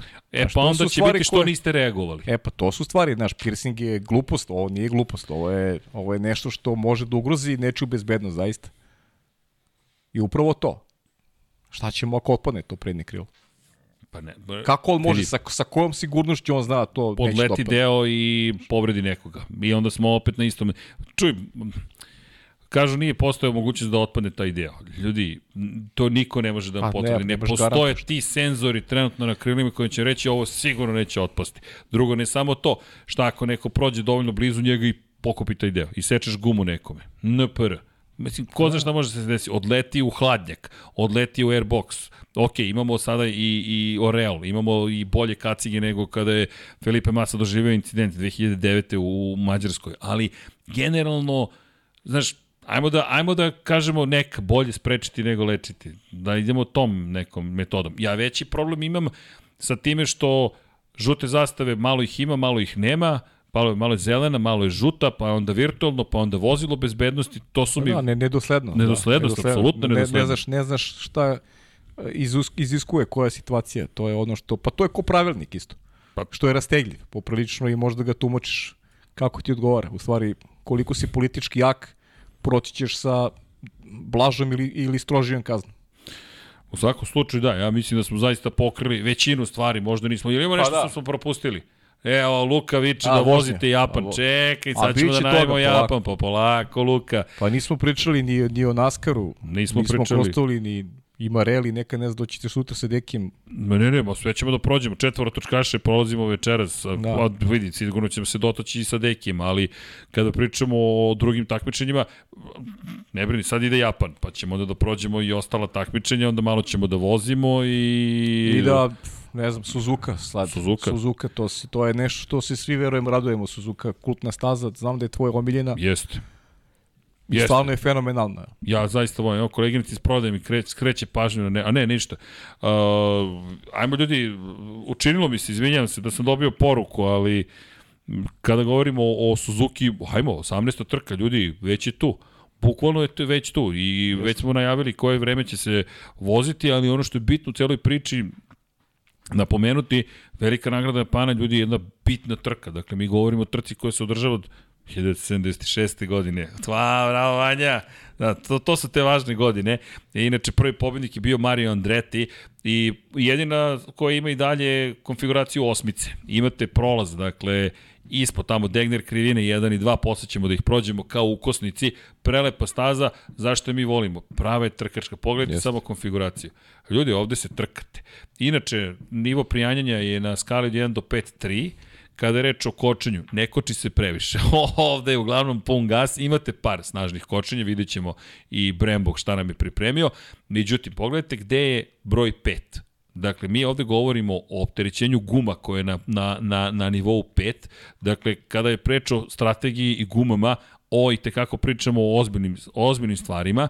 Kada govorimo s druge strane o opterećenjima bočnim, govorimo o skali od 1 do 5 petici, dakle proći kroz čuvenu R130, to je 130R, opterećuje gume. Pa imamo S krivine na početku, pa imamo prva, druga, birajte koje god hoćete, pa uspon gore, pa imate dve brze leve, to je jednu koja je baš dugačka, pa Degnerove u desno, pa ukosnica, pa onda dug zavoj tamo ka kašici, ka spun krivini, pa opet skretanje, pa pun gas, pa ponovo R130 i onda dođete do šikane gde imamo ta čuvena kočenja i opet promene smera kretanja brze, ali sve to izuzetno opterećuje gume. Zatim, kada je reč, ići ću, neću ići kompletnim redosledom kao na grafici, već ajmo da pričamo o abrazivnosti asfalta. Četvorka od pet. Troše se gume ponovo. Prijanjanje, međutim, dobijete abrazivno, ali prijanjanje je vrlo ozbiljno. S druge strane, razvoj staze od prvog treninga do trke je na skali broj 3. Često se koristi Suzuka, ali šta je problem? Problem, uslovno rečeno. Mnogo ima padavina. I često se staza prosto, jel te, opere, spere se gume i morate da je razvijate korak po korak i ono što je zanimljivo, negativni uzgon, to je nizgon, skala četvorka. Dakle, ovde i te kako morate da, da generišete negativni uzgon, zašto? Krivine. I opet čuvena priča o Formuli 1 nije stvar u brzinama na pravcima, već u brzinama u krivinama, a Suzuka je to jedna od kraljica i zato je toliko volimo. Pored toga, uska je relativno za moderne staze i kada siđeš, čekate trava, čekate šljunak i ne tako daleko čekate zid. Dakle, nije kao ulična staza, ali kada pogrešiš, pitanje je da li možeš da se izvučeš. I slično imoli iz te perspektive, što će opet tražiti od vozača da budu, jel te, spektakularni i bogata istorija velike nagrade Japana. Inače, uglavnom se vozilo na, na stazi Suzuki, Suzuka, mada Fuji je bio domaćin, inače te 76. Fuji je bio mesto gde koje smo posetili, 77. takođe, onda smo napravili malu pauzu i krenuli sa Suzukom od 1980, malu pauzu, malo duže, od 78. do 86. i od onda Suzuka sve tamo do 2007. Dve godine je Fuji bio domaćin i onda se Suzuka vratila. Šta je bitno? Poslednji put smo ovde bili 2019. Sad, pa ne, ne je pitanje za tebe. Ko zna ko je pobedio bez gledanja na Wikipediju? Sećate? Ko je pobedio? Evo pitanje za sve one koji su u, u, u četu, malo ne, se zabavite. Četu, Nećemo četu čekati. Da traži. Nećemo čekati, ali izbacite odgovor. Jesi se? Kako? 2019. Ajde, ko je pobedio? Kako? Fetal. Samo jedan odgovor imamo koji nije tačan, pobedio je Valtteri Bottas. Val, niko ne bi pogodio. Niko, evo, gledam, niko, niko ne bi pomislio na Valterija Bottasa. Valtteri je savladao Suzuku. Mercedes inače šest pobjeda za redom. Dve Luisa Hamiltona, jedna Nika Rosberga, dva, dve Luisa Hamiltona i jedna Valterija Bottasa. A sad će Max Verstappen da prosli titulu. Tako je. Pobedom. Ili ti? Znači, slažemo se ovog puta. Apsolutno. Dve, tri razloga. Ajde, jednom, jednom da si ti ja složim. Čekaj. Evo ga, put it here. Bang. Prva stvar, Max, ajmo, ima pet stvari ako hoćete. A dobro, staza, Ej, staza, staza, staza odgovore Red Bull. Vozač, imao je lošu trku, prošli put kad je bio sedmi, odmah nije baš pobedio, ali uzvratni udarac. Zatim Honda. Honda, tako je. I još jedna stvar, dominantni bolidi i vozači, ta kombinacija je ovde uglavnom pobeđivala. Kada prođeš kroz istoriju, to su sve uglavnom šampioni i uglavnom nemaš neka iznenađenja. Gerhard Re, Berger u Ferrariju. Real, realno je veliki favorit, stvarno. Tako je. Evo pogledajte i pobedničku strategiju te godine. Valtteri Bottas na korišćenim mekim, pa na nove srednje tvrdoće, pa na korišćene meke.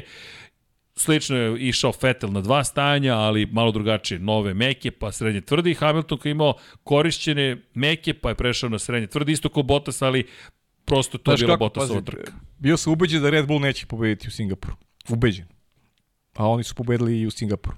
Samo... A ovde i sve okolnosti odgovaraju, ovo je staza koja koja njima baš, baš pa, leži. Vidim. Mislim da, da će Max Verstappen ovde biti zaista onako sve osim njegove pobede biće iznenađenje. Slušaj pobednik, izvini, na Suzuki, Berger u Ferrariju, Ayrton Senna, McLaren Honda, Alessandro Nini, Benetton Ford. Možda je to najveće iznenađenje koje ovde možemo da stavimo. Ali opet, na Nini, mada smo mi slabi na Nini. Ja, ja jesam. Ja baš jesam. slabi. Da nije bilo te povrede i te nesreće, na Nini je mogao da ima baš lepu karijeru. Ima i ovako, ali mogla je da bude mnogo bolje. Ali da, za one koji ne znaju, Alessandro Nini je neka mini legenda. Jeste. Pa u helikopterskoj nesreći ostao bez šake i toga je odvojilo go staze. Jeste. Inače, brat rođeni čuvene pevačice Đani na Nini. Po tome je takođe bio poznat. Da, je, baš jednostavno tužan moment. I to u momentu kada karijera ide uzlaznom putanjom, u momentu kada nekako stvari Da, bilo je tu podijuma pobjeda, Jest. baš je onako imao jedan uzlet. Imao je pobjedničko postolje u Španiji, baš pre tog incidenta Jest. koji se desio u. Italiji. Sve je inače ostvario, inače vozio samo za Minardi i za Benetton i Benetton, on je prvi zapravo čovek, nije prvi pobednik za Benetton, to je bio Gerhard Berger, ali prvi koji je delovao da bi mogao da, da, da, da nešto više Jest, učini da. u Benettonu. Možda su ga ovi mlađi gledalci pratili u DTM šampionatu, Jest. tomu je posle nesreće vozio DTM, ali nije bilo tu već nekog, pa, nekih rezultata i DTM kod DTM nije nešto što je njega baš ovako privlačilo posebno. Pa International Touring Car Championship, međunarodni šampionat da. turističkih automobila, tu je bio treće plasirani 96. i to je bilo to. Ali, na Nini Benetton Ford, Nelson Piquet Benetton Ford, Gerhard Berger McLaren Honda, Ricardo Patrese Williams Renault, redka pobjede 92. umesto Nigela Mansella, Ayrton Senna McLaren Ford 93. godine, čuvene pobjede Ayrtona Senna te godine. Dakle, samo zamislite, ja se sad ne ježio, se izvinjam, ali Ayrton Senna te godine vozi McLaren Ford. Dakle, mi govorimo o tome da to više nije Nije Hondina staza. Mi ne govorimo o tome da je on došao sa, sa Hondom i kaže, ok, ovo za... On i dalje pobeđuje. Imate neki utisak kao da prosto to tako treba da bude. Jednostavno da Ayrton Senna u Japanu mora da pobedi. Pazi, on te godine pobedio u Brazilu, pobedio je u Doningtonu na velikoj nagradi Evrope, čuveni prvi krug, u Monaku, nikako iznenađenje, i na kraju sezone dve pobede za redom u Japanu i Australiji u Adelaidi. Još imaju pol poziciju u Adelaidi s McLaren Fordom. Ali ok, Ford, kao što vidite, imaju to vreme dosta uspeha. I idemo dalje. Damon Hill, Williams Renault, njegova najbolja trka u karijeri. Ako niste pogledali, vratite se unazad, velika nagrada Japana 1994 bitka sa Mihaelom Šumacherom pred poslednja trka sezone, borba da se ostane u igri za titulu šampiona sveta i Damon Hill po kiši vozi bolje od Mihaela Šumachera.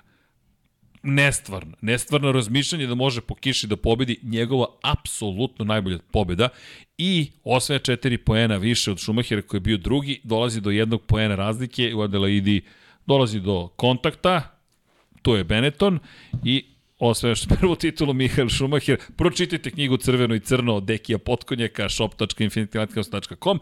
Elem, sledeće godine Schumacher uzvraća udarac, pa Hill ponovo 96. pa Schumacher u Ferrariju, pa Mika Hakkinen dva puta u McLaren Mercedesu, pa Schumacher, Schumacher, Schumacher, Ferrari, pa Barrichello Ferrari, pa Schumacher Ferrari, pa Kimi Raikkonen, legendarna 2005 Ko nije gledao, to mi je sledeće što morate da odgledate. Dakle, bukvalno morate da odgledate. Morate svašta nešto gledati. Čak nisam ni spomenuo trke 90, dakle, trke u kojima su se Sena i, i Prost, jel te, zašto se tu pojavio na Nini i zašto se sve to dešavalo kako se dešavalo, bacite pogled i zašto je Berger to, to film možete gledati. Tako Sena. je. Dakle, sve su to dramatične trke Mika Hakkinen, 98. 99. gde je bio Schumacher, ko je pravio greške, 96. kada je Hill osvojio titulu, tu neko se šalio, to sećam čuvene karikaturi italijanskim novinama, kada je Villeneuve otpao točak, pošto se samo Jacques Villeneuve mogao da pobedi da Hill, to je posljednja trka sezoni, njemu otpao točak i imaš prikaz ovako mehaničar i Williams, trojica drže pištolj za, za, za, za, za pneumatski pištolj, jedan drži testeru. I kao kako je Hill osvojio titul. Nije, ali evo, Kanadjanin je ovde, pa Jacques Villeneuve naredne godine osvojio titul. Ali, To su sve uzbudljive trke. Onda imate Fernanda Alonso u Renault 2006. Čuveno preticanje Schumachera sa spoljne strane u 100, 130R pakao. Ljudi, to morate da idite na YouTube, potražite najbolji momenti sa Suzuki. Ne, ja ne znam koji će biti bolji. Da ne govorimo onda u Fujiju, Hamilton i Alonso, kako je to isto bilo ludo trkanje, pa onda Vettel 2009 pokušava da se uđe u igru za titulu šampiona sveta, Vettel 2010, Jenson Button 2011, pa Vettel Vettel u dominantnim sezonama i onda hibridna era sve Mercedes. Ljudi, Suzuka, božanstvene. Apsolutno. Jeste, jeste. I, i najbolji poziv. I ko voli Maxa Verstappena, spremite se, ovo bi mogao biti taj da, vikend. Da, da, baš bi mogao da bude. I, I to uz veliku proslavu, pošto ovo jeste Honda, to i Perez rekao kada je pobedio u Singapuru. A dobro, ljudi, sport je živa stvar, jedino Naravno. uvek može se desiti nešto nepredviđeno. Ko zna. Ali, ali to ne može da se ne konstatuje da je Max Verstappen ogroman favorit u Japanu, to, to nema dileme. 104 poena prednosti. Dakle, kada bi ostalo na 104 do kraja sezone i kada bi pobedio svim trkama Charles Leclerc i kada bi zabeležio najbrži krug u svakoj te četiri trke, jedino sprint da ga izvuče u Brazilu. Dakle, to je jedino što može da mu pomogne.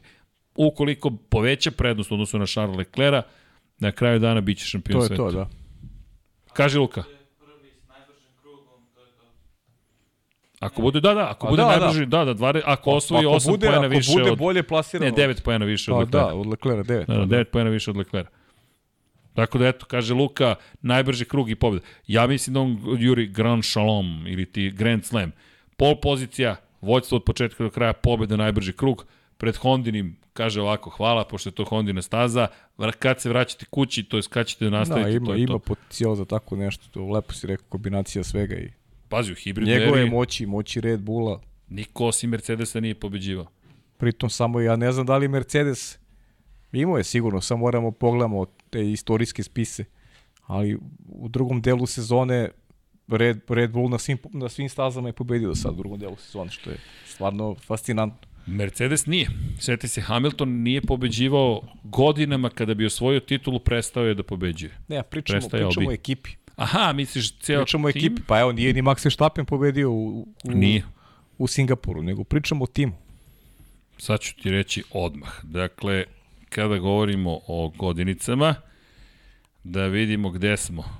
Pričamo, ajmo 2014. da pogledamo odatle kada je počela ova hibridna era, koja još uvek traje. Teško da je baš 14. ali da su pobeđivali sve u drugom delu sezone. De, sad ćemo da vidimo, ajde, a pazi, to bi mi negde bilo logično 2014. kad su počeli, kad je bilo baš dominacija.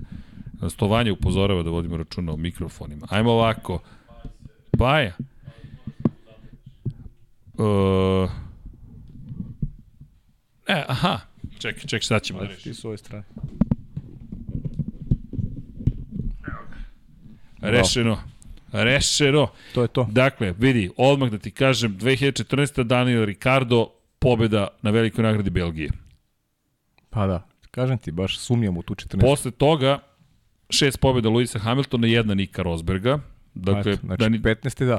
Da, Belgija im nedostaje. Ne, ne, to je Belgija. A to, to je 2014. Belgija, znači Belgija, Ricardo ih je u Belgiji pobedio. Zatim, Ako krećemo od Belgije, Hamilton, Od Hamilton, Sebastian Vettel je pobedio u Singapuru, dakle, prekinuo im je taj niz 2015. Sve ostalo su bile pobede Rosberga i Hamiltona. Potpuna dominacija u drugom delu sezone, sjajno pajao. Zatim, od Belgije, Rosberg, Rosberg, Rosberg, Daniel Ricardo u Maleziji 2016. Dakle, ni tu nisu zabeležili sve pobede, mada su, pazi, svaki put je u jednoj trci neka Da, ekipa da. pobedila.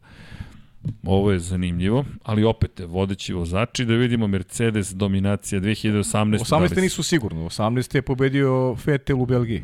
Da, uh, pa- ne samo, ne ne, 17. je u Belgiji pobedio Hamilton. Ne, ne, 17, o, kažemo 17. 18. nisu sigurno, to znam. To je- Max Verstappen dve pobede 17. godine, Da.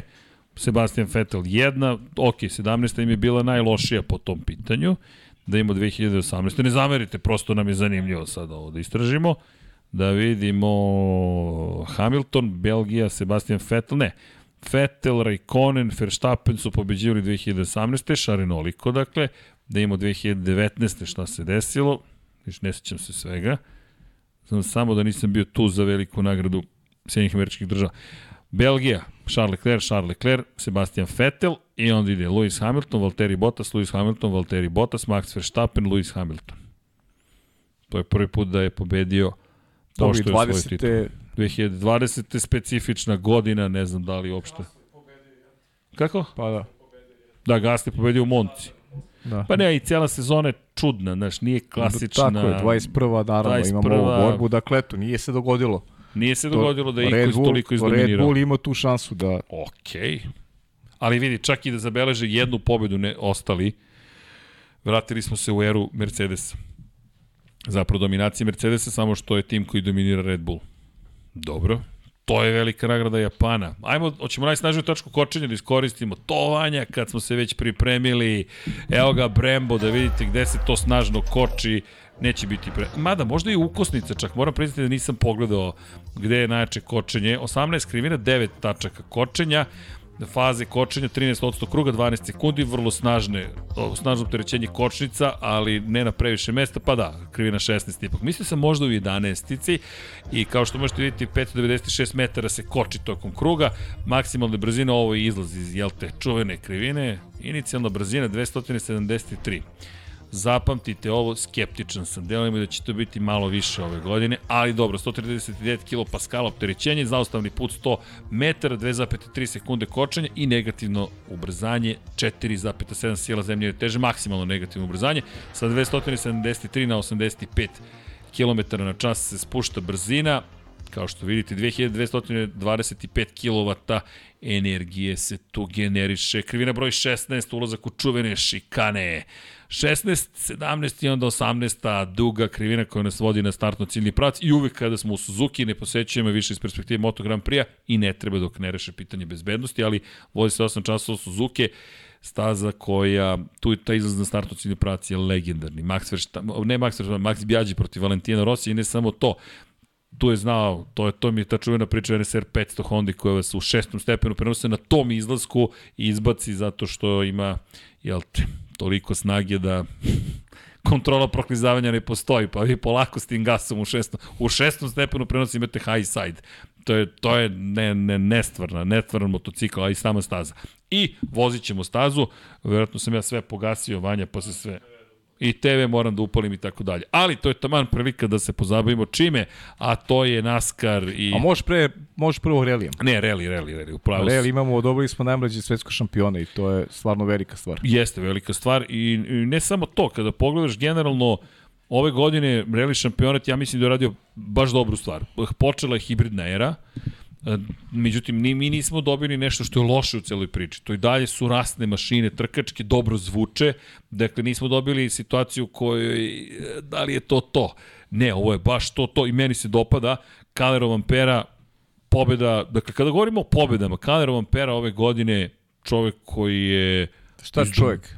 Dečak. Dečak. Dečak koji je izdominirao. Pravo si šta čovek. Okay. 22 godine i jedan dan. Eto, toliko je star, novi šampion sveta u reliju. Deki Andrić, koji znam koliko prati relije, podelio informaciju Colin McRae je bio do sada najmlađi Jeste. šampion sa 27 godina i 109 dana. Za To je 5 godina. De, 95. godine je bio šampion, a Juha Kankunen je osvojio sa 27 godina i 249 dana. Čuveni To Juha bilo, da, Kankunen. to je bilo 86. godine. E sad, šampion sveta. pogledaj koji je to, znači, bukvalno Besmisleno. 20, 22 godine kapa dole, svaka čast. A šest pobjeda u 11 trka. Da. U 11 Sjajno. relija. I to posle par situacija u kojima uopšte nije bilo jednostavno za, za Rovanperu. Kada pogledaš rezultate, znaš, znaš da, je, da je ovo važan test za njega. U Belgiji nisi uspeo da stigneš do cilja kao neko od vodećih, u Grčkoj nisi uspeo na Akropolis reliju i ti ipak uspeš da sa sabereš i na Novom Zelandu koji takođe zahtevan reli zabeležiš pobedu. I na taj način dođeš do, vrh, do vrha. Svaka čast, verovatno ćemo još x puta pričati ovaj, o njemu u budućnosti. Da, prelep trenutak i lepo je videti neka nova lica, neko novo lice zapravo i nije samo on tu, ima ih još dosta. Ono što naravno se sada postavlja kao pitanje uvek, a dokle može da ode Kalero Vampera? Pazi, Finac koji je osvojio titulu, ja moram ti priznati da sam oduševljen što, što, što vidimo ponovo Što, finac, finca, Finca, Finca. pa vi, jeste. iskreno, nekako, Pa oni su nekako uzreli tradiciju idu u ovoj Finci. Pazi, poslednji finac... Skandinavci, general. Uh, e, Luka, ti se nisi rodio kada je poslednji finac osvojio titulu. Markus Gronholm je to bio 2002. godine. I između toga, jedan norvežanin, Peter Solberg, i zatim Sebastian Loeb, i sad nisam pokvarena ploča, Sebastian Loeb, Sebastian Leb, Sebastian Leb, Sebastian Leb, Sebastian Leb, Sebastian Leb, Sebastian Leb, Sebastian Leb, čisto da znaš, devet puta za redom, od čoveka od 2000, četvrti do 2000, ne, osam puta za redom osvajao titulu. Zatim, Sebastian Ožije, Sebastian Ožije, Sebastian Ožije, Sebastian Ožije, Sebastian Ožije, Sebastian Ožije. To, to je tako izgledalo. To je ljudi Francuzi od 2004. do 2018. su osvajali titule. Onda nam dolazi od Tanak, Dakle, imamo jednog Estonca koji je svoju titulu, pa Sebastian Ožije, pa Sebastian Ožije i sada Kalero Vampera, a pre toga Richard Burns 2001. Nevjerovatna priča o, i o Richardu Burnsu i o Colinu McRae, za one koji ne znaju, Richard Burns čovek koji je koji je sa 34 godine preminuo, mi pričamo o čoveku koji zajedno sa Colinom McRaeom je bio okosnica britanskih šampiona zapravo u svetskom šampionatu u reliju i, i, i on nažalost više nije sa nama. Neka prosto tužna priča da imao je, nažalost, tumor na mozgu i da se vratim na priču o roze majicama. Luka, ideš na spavanje? To, Luka, ide se u školicu, tako. Ej, srećan rođendan još jednom. Bravo. Ajde, za Luku, malo, pozdrav. Sledeće godine, da pa, ne, ne, kad budeš punoletan, onda idemo neku trku. Može i pre, samo uz staratelje, roditelje, kako god. Da, tako mi se javila neka devojka na Instagramu i kaže, ja imam 16 godina i ja, ja sam samo odgovorio i ja ne mogu s tom da razgovaram. Neka se jave tvoji staratelji, Luka, budi dobar. Ćao, ćao. Pa da, pa odmah moraš da kažeš neka se jave mama i tata ili staratelj ili kogod, dakle, pa ćemo da se dogovorimo, divni ljudi, divna porodica, ali ne, ljudi, kogod je maloletan, žao mi je, ali to postoje pravila neka i tako moramo funkcionisati. Elem, Richard Burns, nažalost, preminuo je tumora mozga. Roze majice su tu da podignu svest, pogotovo u mesecu oktobru, tome da treba da vodimo još više računa o svom zdravlju, pogotovo dame. I ja vas molim, devojke, kontrola, kontrola, kontrola, kontrola, kontrola, kontrola, kontrola. Momci, podržite i naterajte svoje dame da se prekontrolišu. Vidjeti, vas ćemo terati u novembru da se kontrolišete, ali nemojte čekati oktobar ili novembar. Ne, proveravajte se redovno. Prosto želimo samo da vam skrenemo pažnju na to neke stvari mogu se izlečiti ukoliko se na vreme detektuje, možda i kasnije, ali što se ranije nešto detektuje kada je reč o tumoru bolje. I to što ga izgovaram ne znači da će se nekom desiti, da malo i tu razbijemo priču o tome, ako izgovoriš desit će se. Neće, kao što ni kletva komentatora ne postoji zaista, I to je to. Mada ovde neki reaguju na moje reči. Postoji, postoji. Ne, okej. Zabavljam publiku, pa ništa ne brini. Ovaj, postoji, a? A, postoji, da. A to je ono kao u školi, kao, čekaj, poslednje, poslednje rečeno postoji, okej. A, dobro. I onda komentatora, da. da, da.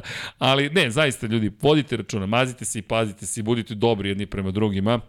Rekoh već i o, ponavljam, UNICEF za svako dete, ne zamerite, kažemo, koliko sam delovao neozbiljno, nisu neozbiljne teme. Mi bismo volili da zaista možemo da, da, da pomognemo i nekako verujemo, svi zajedno možemo da pomognemo. U slučaju ljudi koji žive na, na, u Republici Srbiji, 9656 je telefon na koji možete da pošaljete poruku. 200, 500, postanete mesečni donator. Kada je reč o dakle, toj vrsti saradnje, Nije to pitanje saradnje, to je pitanje podizanja svesti o tome da nažalost postoje klinci i klinke koji nisu prošli kao što smo na primjer lepo prošli pa i ja. Mi smo zaista imali super srećno detinjstvo, zaštićeni kao što su naši bubrezi trenutno zaštićeni. Dakle, u ozbiljnom loju i bilo je lepo, bilo je zabavno, pa eto da pokušamo svi zajedno da da pomognemo nekim klincezama i klincima. I ne zamerite ako ja tepam, ali prosto ja tako doživljam stvari. A kada je reč o Reliju, vratit ću se na tu priču, pre Richarda Brnsa, Marcus Gronholm je takođe osvojio titulu, a Tommy McKinnon dominirao četiri sezone pre toga. Tommy McKinnon i njegov Mitsubishi Evo Lance, danas taj automobil da uzmete i da ga provozate, verujte mi, ovako će kosa koju nemam da izrašće mi kosa koliko je dobar Mitsubishi Lancer. I to je ta čuvena era, imaš, imali ste Toyota pre toga, imate Juhu, Juhu Kankunena, imate naravno gru, grupi B da ne govorim, ali 90. su obeležili Subaru Imprece, zlatni točkovi, veliki spoiler pozadi, plavi, dečački san ili Mitsubishi Evo. Pa ko je bolji? Ljudi, spektakularni automobili. To je neka ta ljubav i naravno pojave igrica Colin McRae Rally koje je vozio. Jao, kad smo vožnji, da morat ću ja uskoro da se bacim na vožnju, ali Colin McRae Rally je jedna od stvari koje, ja mislim, maksimalno popularizovala i sport i Colin McRae učinila ga legendom u nas, uh, mladih u to vreme, jel te? A inače pre njega, Didier Oriol, ko se seća Didier Oriola, još jedan od Francuza, pa Juha Kankunen, Carlos Sainz, da se znaš ko je Carlos Sainz, Juha Kankunen, Carlos, Carlos Sainz, Miki Biazon, dva puta, Juha Kankunen pre toga dva puta, Timo Salonen dva, jednom, pa Stig Blomqvist 84. Hanu Mikola, Walter Rorl, pazite, sad dolazimo do nekih imena, Ari Vatanen, pa Ponu Rorl, pa Bjorn Vajdegard, zatim, ako sam ja dobro zapamtio, imamo i, i, i Mako Alena, a Sandro Munari je čovjek koji je prvi osvojio titulu i čovek koji je zapravo postao prvi šampion sveta u reliju, a zanimljivo je 76. 5. 4. 3. smo imali samo šampione u konkurenciji konstruktora koliko je reli šampionat bio posvećen konstruktorima. Četiri godine bez šampionata sveta u konkurenciji vozača. Za razliku od Formule 1 koja je prvo se bavila vozačima pa konstruktorima. I hvala pa što si, nas što si me podsjetio na svetski šampionat u reliju. Jedan, jedna predivna sportska disciplina i koju prilici da gleda neke od stvari. Teška je za prenošenje televizijski. Mi vas pozivamo da obavezno posetite, na primjer, Reli Hrvatske blizuje ljudi neopisivo je ono što, ćete, što, što možete da doživite kada odete zapravo i, i, i vidite kako izgleda izbliza trkanje kroz neke šume, kroz neke prevoje, preko prevoja, skokovi, ma to je samo da se zaljubite i naježite, naravno. A naravno imamo još nekih takmičenja, mislim da te koleginici iz prodaje pokušava bezuspešno da dozove, ali kada je reč o hidratacija, Ne moraš sve da prijavljaš. A dobro, ali zabavno je. Nasmeo sam ljude u studiju. Dakle, Može nešto da ostane ovaj, među nama. Naravno da ne može, dobacuju ovde. Ej, desilo se nešto čudesno, hoćeš ti paju u Taladegi. Šta? Pobedio neko koji u play-offu. da, jeste prvi put. Prvi put. Gledao sam tu završnicu, malo iskreno, Chase Elliot je pobedio i Taladega zna nekad da bude zanimljivo, a nekad i ne preterano uvek je zanimljivije kad ima više ti košen period u finišu, ovog puta ih nije bilo i ovaj Chase Elliott je obezbedio plasman u narodnu fazu play-offa, gledat ćemo ga među osam najboljih.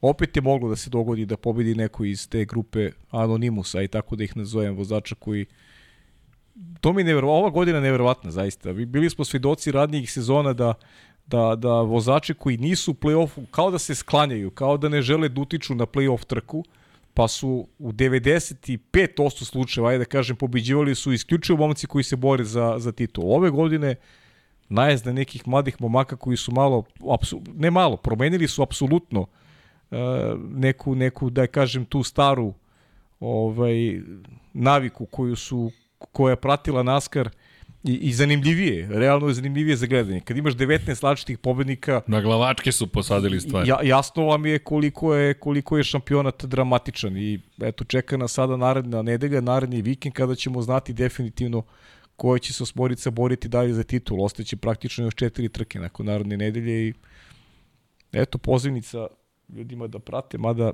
moram da kažem da je teško sedeti 4 sata, 4 i po nekad i, i pratiti trku, nije baš neki onako veliki spektakl kakvi su recimo Formula ili MotoGP, ali ali tempirati, ali... tempirati vreme za nekih sat vremena završnih, to je vredi pogledati, zaista. Ali znaš zašto bih ja pozvao da pogledaju ovu trku koja dolazi?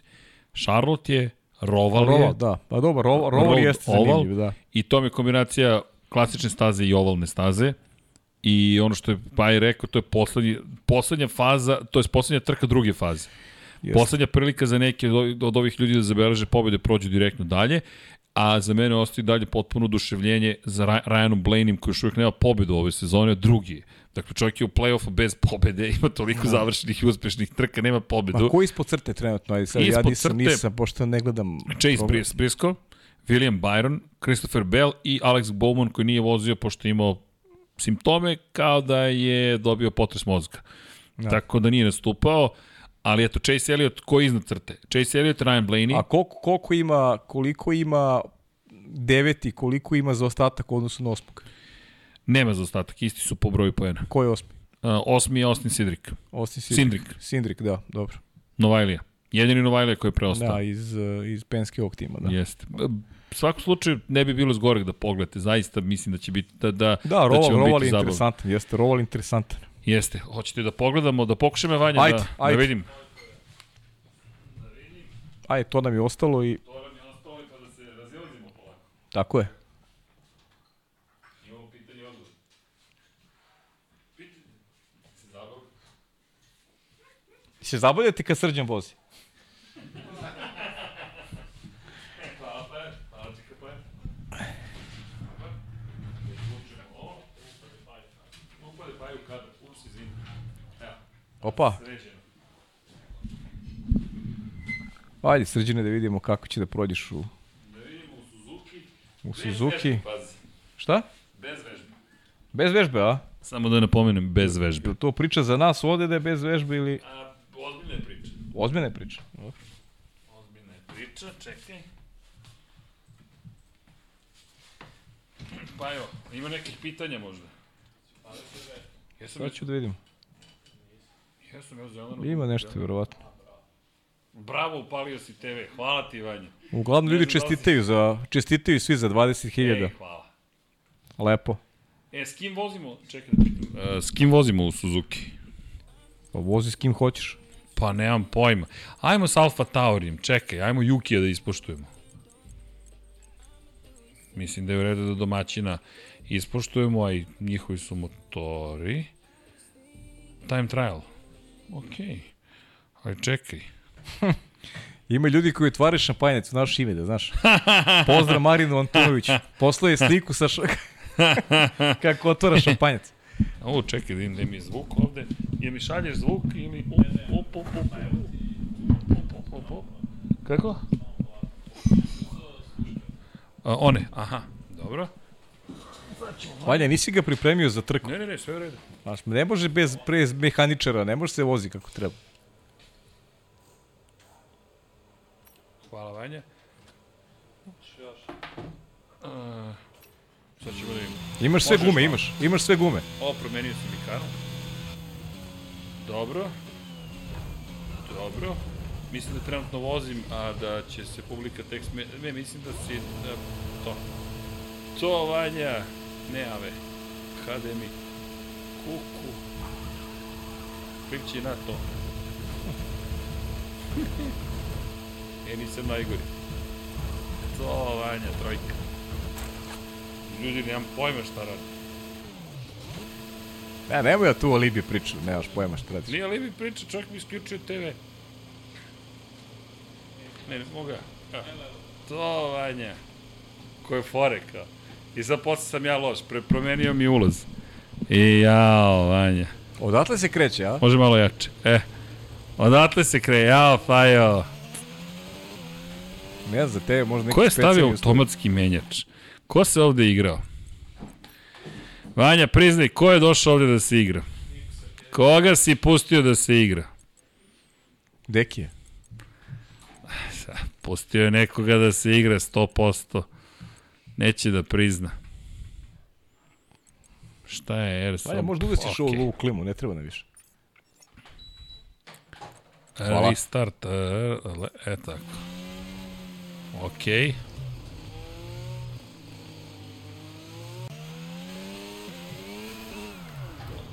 Dobro, čekaj, to je, še, to je ta krivina o kojoj sam pričao. E, ne čujem sebe u slušalicama, ne veze. Ljudi, spremite se, ovo će do 3 ujutru da treba, znate. Dobro.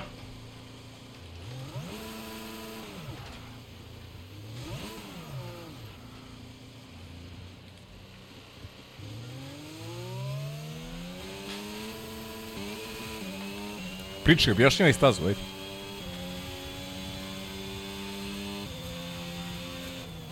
Ne čujem, ja?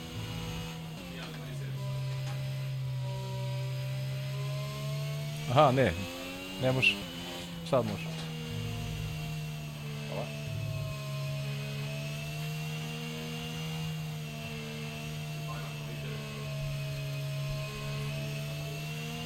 Da, mogu gledamo da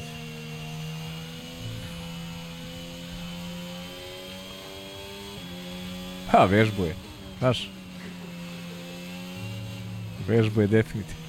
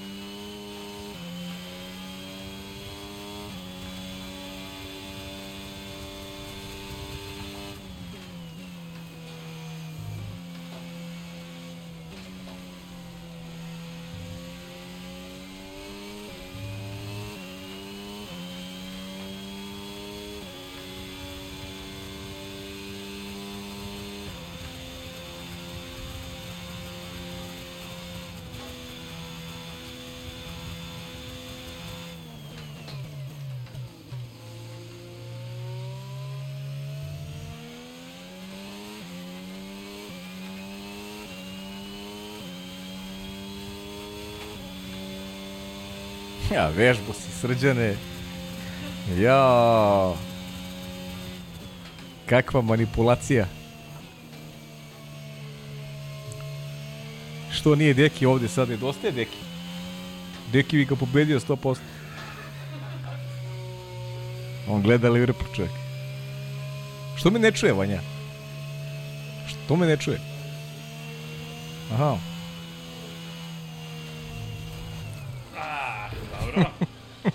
Agresivna vožnja. Dobro, to kad hoćeš previše.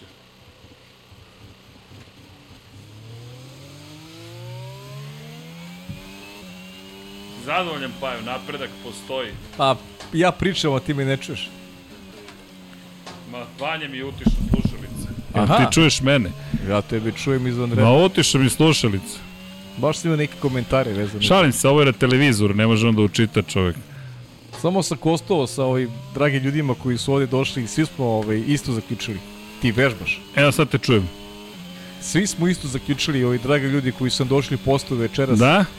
da je onaj prethodni krug bio posljedica vežbe. Nemaš ništa da nam kažeš, a? Ne, ovo je Suzuka, Pajo, ja ovo obožavam. Wow. Znači nije ti prvi put da igraš. Ne, o, u ovoj igrici mi je prvi put. Aha. I, ali u GT, u, na, dakle, Dobro, dobro.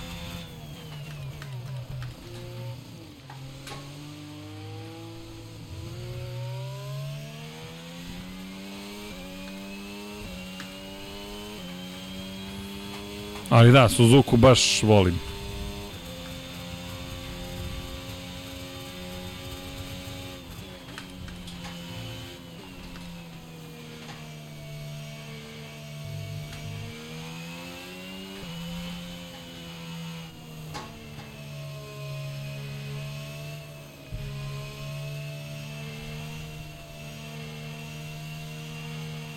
Dobar si Srki. Vidi kakva je staza. Ma, sta dobar, dobra staza.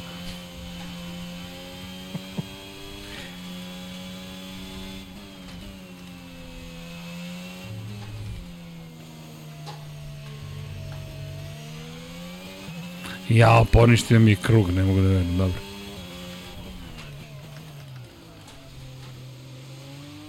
Ne, ovo je ipak druga bolja, ali ne veze, dobro je.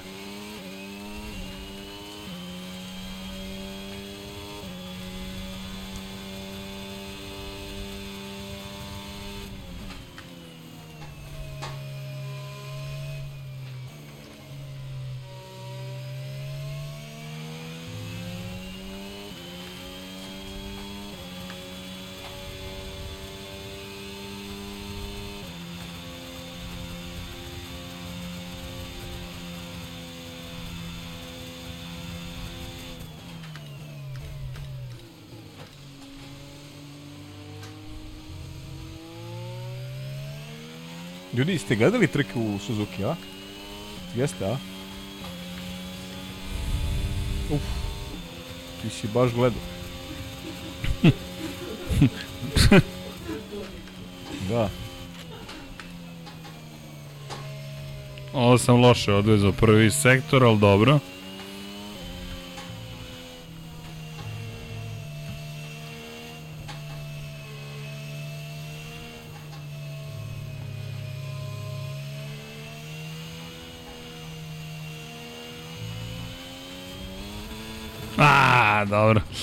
Dobro, pa, jesi zadovoljan? Yes. A, nije bilo loše. Uhu! Može to bolje, ali... Dobar si Srki. Samo sam kostao da si da je posledica vežbe, znaš. Ne pije vodu, ono nisam nikad, znaš. To je malo... Nećemo da maskiramo stvarnost. Pak smo mi ovde otvoreni, iskreni. Tako je, tako je. Znaš kako, uf, samo da nam ne ode šatl. Ima, ima, što je šatl? Da pokažeš šta si vozio. Da, da. Gran Turismo sedmica. Mada sam u petici vežbao u Suzuku.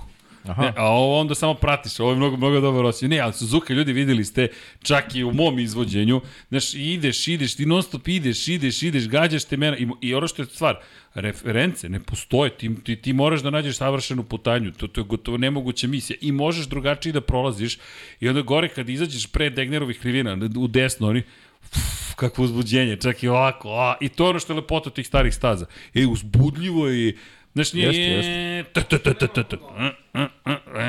Molim? Što nema kod novih. Što nema kod novih? Zato što onda publika ima mnogo manje vremena da vidi bolid. I pravi se tako da imaš stadionsko, bukvalno, prave se stadioni gde će oni mnogo da uspore da bi publika koja je platila da dođe na stadion mogla da što duže vidi bolid kako savladava krivinu i prolazi pored ljudi. To je u briefu popularnom piše napravi tako da ko je došao što više vremena može da provede gledajući bolid uživo. Zato pravi isti čovjek. Zato isti čovjek pravi stalno stas. Pa da, ali to i Deki lepo rekao, da ne krijemo samo njega. Pa da, naravno, naravno. On je dobio nalog da to napravi. Je, upravo to. To je problem. Da. Pa u, u suštini veća je greška oni koji su mu dali naloga, a ne Tako je. Pa ne vidi njegov. kad su mu dali slobodu, izvini, u Sepangu, koliko je Sepang lep, a imate tih nekoliko sporih krivina, ali Sepang je ozbiljna staza ozbiljno trkanje, imaš duge pravce, imaš one predivne zapravo ogromne tribine na zadnjem pravcu, na startno ciljnom pravcu, vidiš ih kad izađu iz ukosnice, super je urađeno, imaš spore krivine, mogu brze krivine, sve napravio i to, to je prosto... Taj, taj trend tih trka po gradovima, ono, dosadit će i Bogu i narodu sa. Pa, to je, ne znam ko je išao na trku i kaže, ej, ništa nisam video, to je sve bez veze, a neki ljudi kažu, wow, kakav osjećaj. Ljudi, ne idete da biste videli bukvalno, nećete nigde videti bolje nego na, na televizoru. To, to, to je napravljeno, to je televizijski spektakl. Ali osjećaj, i još jedna stvar, Evo, ako mogu da vas, da, da ja sam, pot, mislim, mi smo inače, ne ja, ajde, mi smo potpuno dušeni. Sećaš kad smo prvi put rekli, kad prvi put sretamo nekog sa Lab 76 majicom, vodimo na kafu. Jeste. Sad, možemo da s ponosom kažemo bankrotirat ćemo ako to uradimo, ali to je predivno, ali evo, zašto, e, pozivam vas, da, podržite sad, sad nas, vod, kupite sad vodimo majicu. na čašu vode. Sad, vodi... sad vas vodimo, da, na vodenicu. Ali ljudi, uh, makar je to meni mnogo lepo osjećaj. Ko hoće ove majice, roze majice, inače profit ide u dobrotvorne svrhe, da znate. Dakle, ko kupi roze, to ide dalje.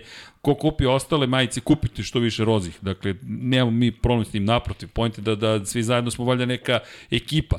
I šta je lepota, stalno se, stalno se priča o zajednici. Znate šta je zajednica? To je grupa ljudi koja istomišljenika koja je našla neko svoje mesto. Mi nismo planirali da Lab 76 bude to mesto. Nam, mi smo ponosni što trenutno to jeste. Nadamo se da će dugo tako ostati, ali e, sad pričam, ne, ne volim tako da pričam, jer više volim kad se stvari dešavaju, ali, ali osjećam potrebu, pogotovo sad i subscriberi i sve što se deša. Kada na stazi sretnete neko ko ima Lab 76 majicu i kažete, ej, ovo je naš, u kom smislu naš? Pa neko iz neke te zajednice S kim možete da pričate o Formuli 1, MotoGP-u, 99 yardi za NFL. Nema nas tako mnogo, nismo mi mainstream ekipa, pa sad, gde god sretneš, povećava se broj nas i to je ono što je lepo, a eto, mi smo ponosni ako je Lab 76 postao nešto što po čemu se raspoznaju. To je ono što smo ih hteli da postignemo, da nešto bude veće od nas. To ste vi i to nije nikako podilaženje, nego kad se vi sretnete negde, to je staza. Pa kažete, ej, čekaj, vidi, Da li su majice? Nevažno, imate Ferrarijeve navijače, McLarenove, Mercedesove, koga god, Ovo je više znak raspoznavanja, možda imamo zajednički jezik, možemo da se sporazumemo možda lakše, aj sedemo, popijemo kafu, piće, šta god, popričamo o Formuli 1. Pa, to, Tako to se je, prave prijateljstva. To je priča. To je poenta, to je ono što... što Počinje najviše. Tako je. I ti onda stekneš neke nove prijatelje, poznanike, drugare, kako god drugarici, kažeš, e, ajde da gledamo trku zajedno, ajmo da radimo ovo, ajmo Razumite, širi se neka lepa priča i to je ono što je u suštini najvažnije. Zato se ide na trku. Da osetite kakva je ta emocija, da vidite energiju koja se oslobađa, da namirišete, pa ko je bio na Red Bull ranu znao čemu pričam, kad padne onako para izduvnih gasova i kažeš, a, o tome vi pričate, e, o tome mi pričamo. E, to je ono što je lepota zapravo svega onoga o čemu, o čemu govorimo kada se ode na trku. Koliko ćete boli da vidite? E, zavisi gde ste, to, to vam ne garantujem previše. Koliko ćete da ga čujete? Manje nego pre 10 godina, ali bez obzira, imate svoju ekipu, to je, to je valjda poenta cele priče. Tako da, zato se ide na trke i uživajte. Topla preporuka, ne znam sad za Formula 1, po, poslednji put sam bio 2018. Ali topla preporuka tokom treninga, otiđite na startnu cijeni pravac ukoliko je otvoren ulaz, zato što možete da vidite aktivnost u garaži To je ono što je super. To je i tokom MotoGP-a. Kada dođe trka, to je već neko drugo uzbuđenje. To, a, frka, ko će da pobedi, šta će da se desi, pa gledaš oko sebe, ko, ko za koga navije, ili ima neko moj, pa se radujem zajedno i tako dalje. Tako da, uživajte u trkama. Gde god da ste, šta god, kako god, mi ne znam da ćemo ići ove godine nešto Abu Dhabi kao možda da se desi, male su šanse, ali ako se desi javit ćemo vam. Ako voli MotoGP to ćemo sutra, ali bit ćemo u Valenciji, tako da Eto, dođite u Valenciju, u lep grad. Ja, bez veze baš Valencija. Potpuno ne, neinspirativno. Yes. Imamo neko pitanje.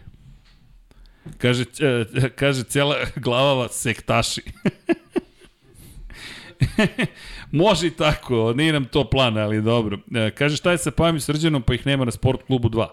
Marko Klarić, kako nas nema? Bili smo ovog vikenda baš na sport klubu 2. Neka provokacija. Da, da. Uh, Uh, da, Mamuđelo Arabijata 1-2 kaže, boli da ćete vidjeti ako bude neko odustajanje ispred vas, tako ste u toj krivini. A, e, tu je negde, ali, ali je lepo opet da, da, da, da, da, da Možda sad ide repriza na sport klubu. Da. Možda, ko zna. Uh, dakle, Marko Stamenković, ekipa, kada možemo očekiti da je FIA obavezno donositi kazne dok utorka traje? Setite se Austrije 2020, Hamilton 5 sekundi kazne, Norris nakon toga svaki krug, najbrži krug sve na rubu i prvi podi. Uh, E, Marko, to ono što je... Pa fleksibilno je sve i to Nažalost, je... da, dosta fleksibilno. Kad možemo očekivati? Bilo bi, bilo bi sjajno, a... Pa evo, prome, odgovor na to smo Masija. gotovo nemoguće. Sve će se rešiti, nema više Masija. A da, nismo, nismo, e. nismo mislili da sve rešiti, otpuštenje Masija, ali... I ovo su, znaš šta, nema, nema kontroverzije jer je šampiona takav kakav jeste. Ti imaš stvari koje nisu dobre, ali ne bojimo se E, njima previše jer imamo odluku maltene o šampionatu. Pa da. Ali i ovo su bitne stvari, tiču Pazi, se trke. presedane postavljaš. Jer ovo je trka, trka je mogla bude drugačija da si ti na vreme da si pa ti na vreme ovaj Vraćam se kad pogledaš čovjek. Pit stop, prvi, prvi, prvo vozilo bezbednosti na početku trke. Dakle, vraćam se na to da su kaznili Pereza tada, on 5 sekundi mora da odradi prilikom promjena guma. To suštinski u korenu menja celu trku. Jeste. Prosto se nije desilo. I to je ono čemu pričamo. Kazniš nekoga 5 sekundi, on stoji i dalje na stazi utiče na Da, ostalo. to, to je tek priča posebna, da. Besmisleno je. Moraš... 5 sekundi kazne i u trci, to mora da se reši nekako da se da se ta trka da se ta kazna odradi. Ne znam, neka izlazna zona kao pričali smo kao MotoGP da, je. da postoji da ćeš ti tih 5 sekundi Izgubiti prosto da na izgubiš i da nastaviš onda trku dalje. Da, evo, Master ima pita, ako se Red Bullu oduzme titulu, da li se ona dodaje Hamiltonu, da li se Hamilton uopšte pita oko toga šta on hoće, jer mislim da je rekao da ne želi titulu dodeljenu na sudu. A, mislim, Master ima, ne pita se on. a, On, on, ako mu je budu dodelili, dodelit će mu je. Ja, ukoliko hteli, budu hteli da kazne Red Bull, ako je zaista napravio Red Bull prekršaj, prvo ajmo to, mi, nedužan dok se ne dokaže suprotno. Dakle, za sada Red Bull je nedužan. Ništa nije uradio. To su samo spekulacije.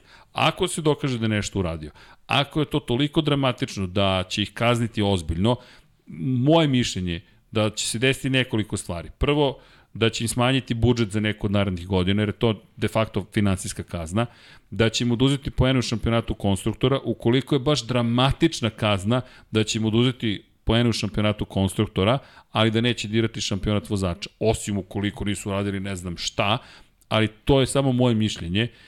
Dakle, na osnovu čega, na, na, na čemu zasnivam? Pa na istorijatu Formule 1.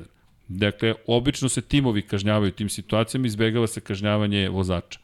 I kroz većinu skandala kroz koje smo prošli, kada su timovi radili nešto, timovi su snosili breme krivice.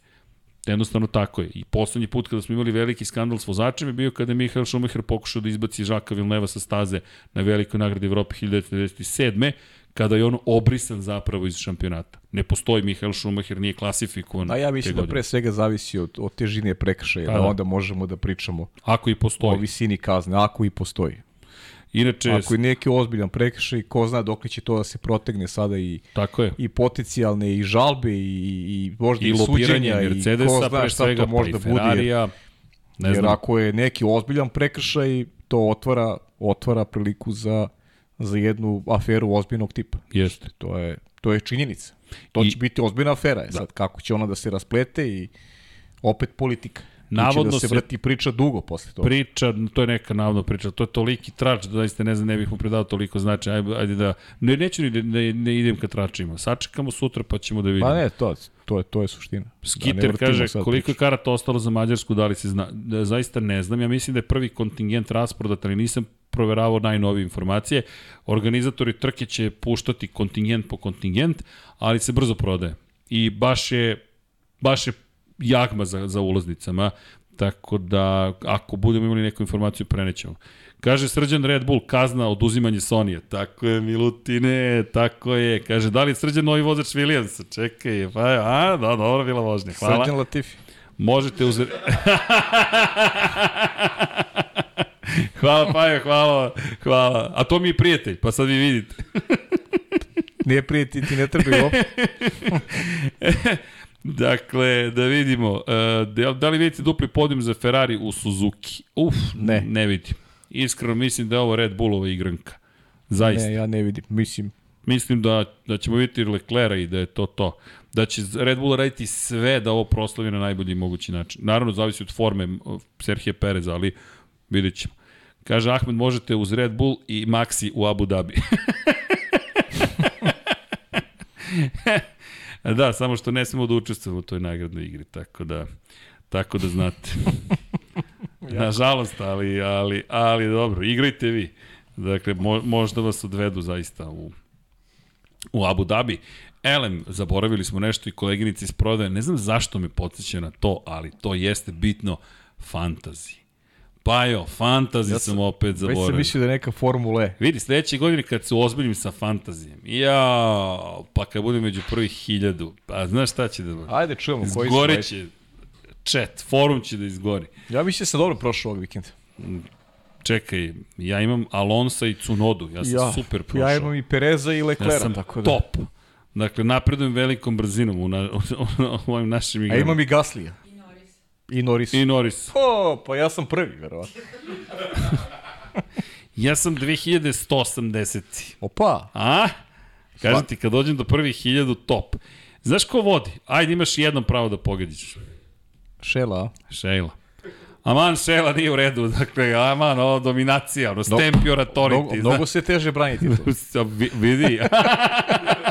A radi za Red Bull, čekaj, da imamo Šela. ona ko Max. Koji, koji budžet si imala prošle godine? Znaš, ne, Šela je carica. Da, Dakle, koji smo, koji čast. smo kolegici iz prodaje, Deki ja. Čekaj, čekaj, da ispoštujemo gledalce, da ispoštujemo Aha, ekipu. a, dakle, ideš, znači, ajmo ovako. si- Šejla, pozicija 1, 3546, Master Blan, bravo! Bravo, Šejla. Majkelele 1, Saša T, dakle Bosna i Hercegovina prva, pa Nemačka druga, 3506 poena. Pa Prensing Horse, Luka M iz Hrvatske, 3488. Pa Tim Supernova, Aleksej K iz Srbije, 3467. Pa Mačak from Čačak, Miloš 5, 3449. Pa Kaiser F1 iz Srbije, Mihajlo L, 3443. Weekend Warriors 3, Praneš, naš prijatelj iz Indije, pozdrav za Praneša, ukoliko Bravo. razume, 3432 poena. Ninja Ratnici 1 iz Bosne i Hercegovine, Stefan P, 3428, Tim 1, Donald N, ne znam da li nas Donald razume, ali deveta pozicija 3395 i Erdoglija 034, Gordon iz Srbije 3395. Ima tu još Šumi, Weltmeister, Mr. Larbo, Ugrinov F1 i tako dalje. Dobro, Da vidimo sad, vidi ga ide Haas na max, pao je čovjek na 16. poziciju. No, da mi vidimo gde se nalazimo mi, Paju. Ajde, Ajde, si rekao da si 2000. ajmo koleginice, ja sam Koleginici iz prodaje 375. Ja, kao ni zaboravio si fantasy. 200, 215 pojene. Pa to, A ti nisi zaboravila fantasy. Da. Leclerc turbo vozač 90 pojena. Pa Russell 2, eh, to onako, Perez 45, Bottas 15, Magnussen 5 i Ferrari 58. Dobro. Da vidimo mi, Pajo, kako si se ti proveo u ovoj avanturi zvanoj fantasy život. Pavle Ž, Paja Ž, pa 925. O, razvalio si u Singapuru. Izvini što se kolokvijalno izražavam. 246 poena.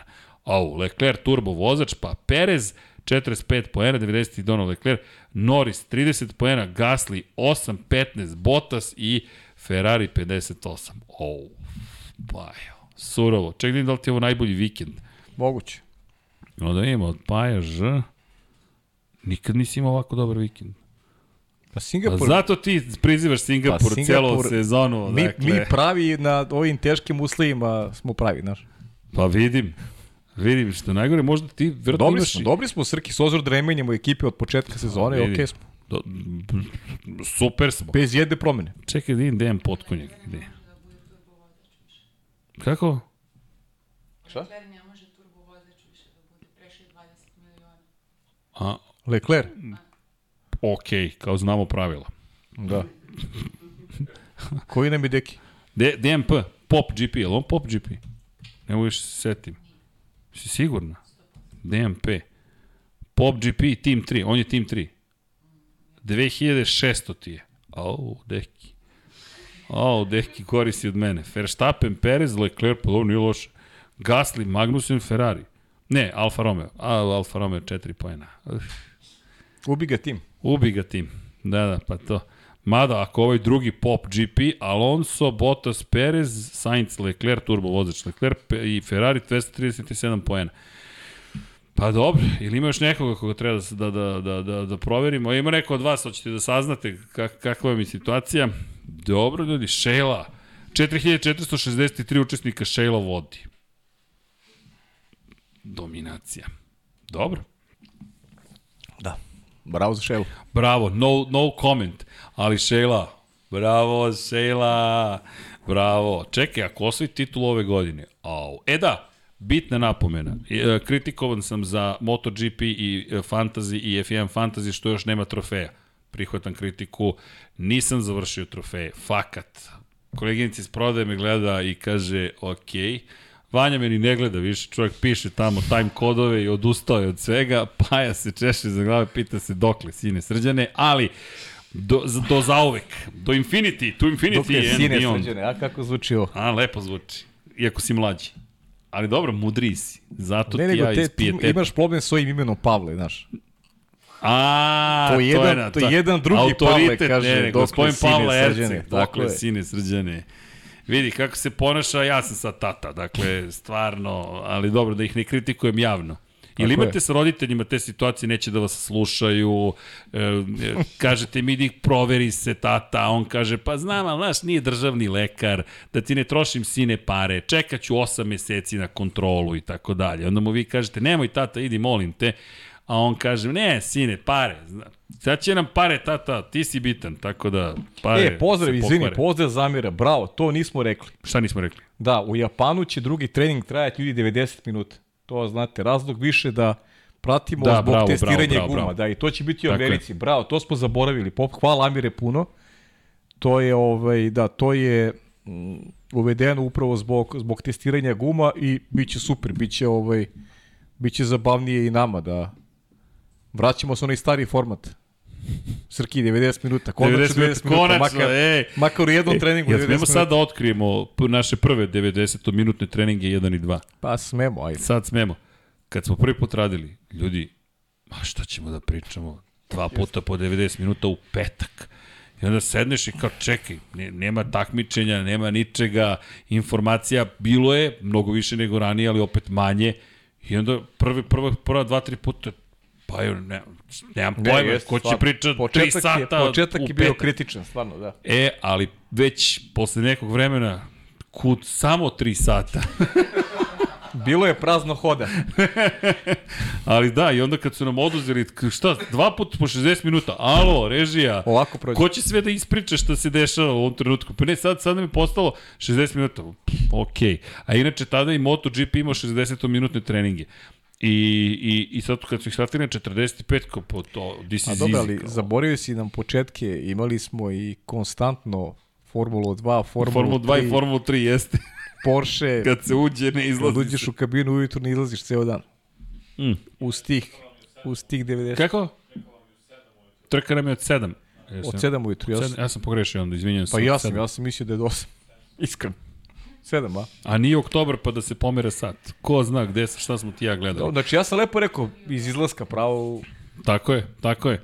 E, kaže, drago mi što Infinity Lighthouse postoji, Dušan Dašić, ovo je genijalno pozdrav svima. Tako je, Dušane, hvala, Hvala, vama. Dušane, hvala. Dakle, kaže Milutin, srđane dobro je ako si vežbao za mamu. Srđe, uf, chat dating, ovo sad sve se pobrljavilo ovde. A, srđane, batalite vi češćavanje za majice, nego zakazujte stoti podcast na nas 20.000 da se okupimo. E, Fakat, okej, pošteno. Ej, sad imamo i mesto. Pazi, testirali smo ga sa 99 yardi. Je li ono u redu? Da odemo u dogmu i da celu dogmu za, za, okupiramo. Je li to u redu? Vanja?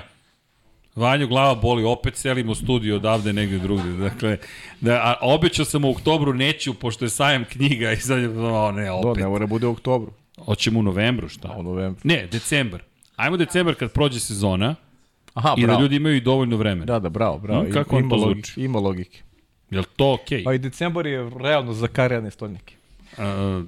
dobro, za mo... čekaj, čekaj, čekaj. U decembru nam je izložba 1. do 8. Tako da, ajmo da imamo novembar. Da li bi bio u redu novembar, 29. novembar ili 20, to je dva dana pre izložbe. Kako? Kako 29. Kako 29. novembar? O, nije mi palo na pamet. Pa top, 29. novembar. Pa zar to nije vrhunski datum da napravimo podcast? Ma? Apsolutno. Šta, šta kažeš, Pajo? Ja odobravam. Druže, Pajo, kad Odobravam. već i e, aktivirao, ne verujem po internetu šta kruži. dakle, Paje Jare, tvog vreme Paje Jare, postadoh ja Jare. Dakle, hvala ti na tome. A ne mogu ja... Pazi, ne mogu ja budem jare. Nikako.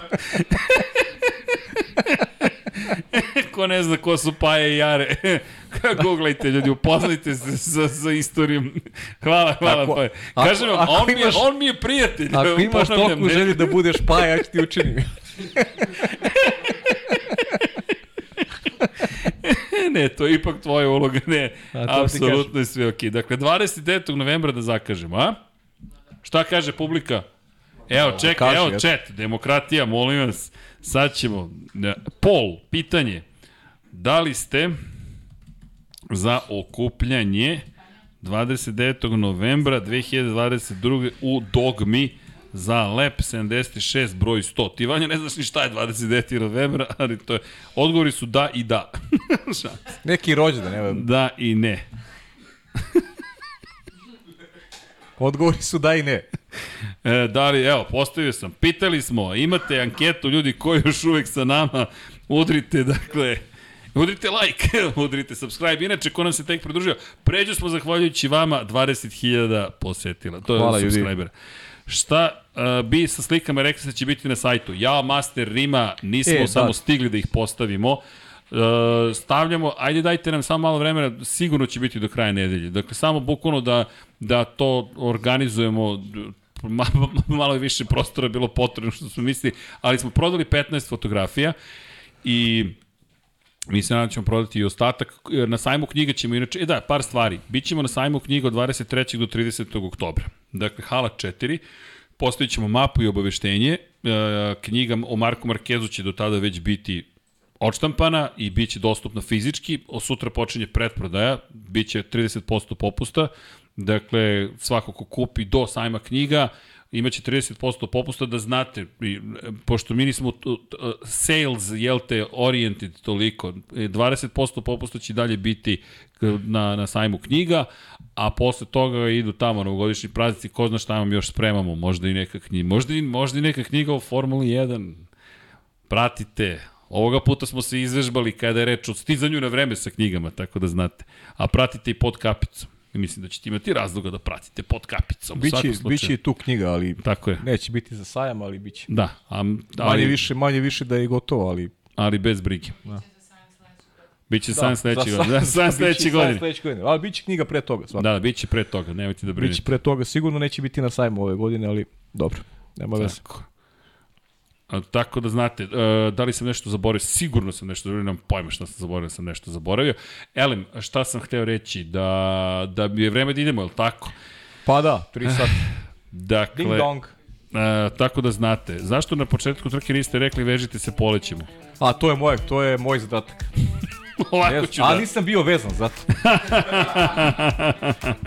da, Da, da, da, tako je, moja, kaže, moja, i moja kaže, greška. Kaže Beard Biker, kada Đankić ne kaže brn, brn, dešava se nešto opasno u MotoGP-u. u svakom slučaju, da, Paja izdominirao u fantaziju, tako je. Uh, Matija Pinotto mora ići iz Ferrarija što prije. ok. Uh, da, sad vidjet ćemo šta će biti sa kaznom. Opet se vraćamo na lobiranje, ne na trkanje, bili piton. Tako je. Jeste.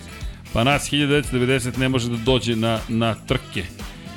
Da, da li ste svesni da, da će Ferrari to sve moguće narednih 5-6 godina jedino ga Latifi vrati u formu? Polako ljudi, to nikad ne znate. Ba, ova kazna baš može, ako je bude da utiče na to. Drugo, Hamilton sledeće godine, ko zna, Ferrari, držimo palčevi tako dalje tako dalje. Nego, ako sada nastavim da čitam sve, završit ćemo ovo u četvrtak, tako da E, hoće li biti mala dogma? M- Ahmede, daj, nadam se da će biti mala dogma za Lab 76 broj 100, ali ljudi, zar to nije point da napravimo opšto? A vidjet ćemo, zavisi od priva, možda napravimo na sajmu nešto. Kaže Vojin Vuković, a što ne arena? Ne, na sajmu ne možemo fizički da stanemo, zato što ćemo da napravimo opšti haos ako se to desi. Jesi ja lepo rekao na početku, 20.000 napunili smo arenu. Pita čovjek.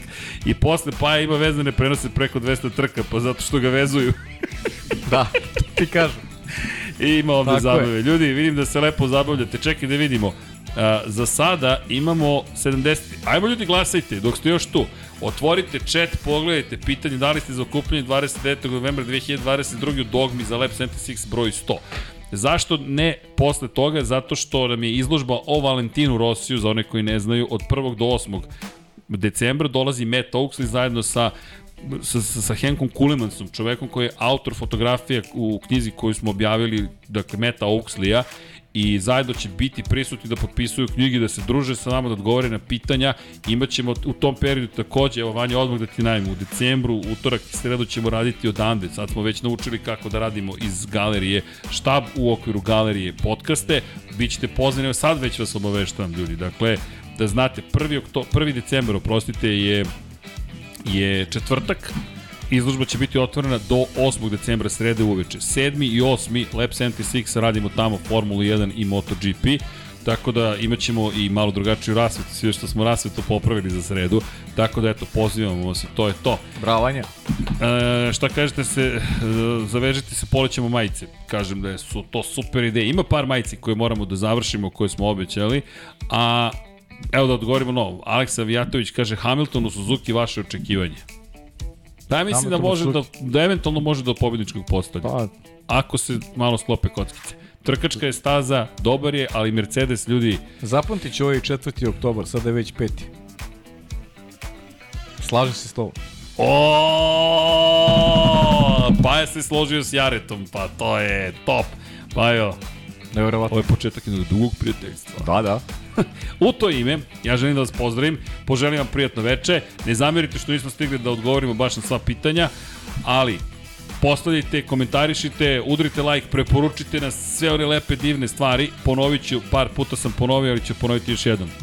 96 56 za svako dete, ko može, 200, 500 u Republici Srbiji, prosto se trudimo da uradimo makar malo što svi zajedno možemo. S druge strane, roze je mesec, roze je oktobar, devojke, proverite se.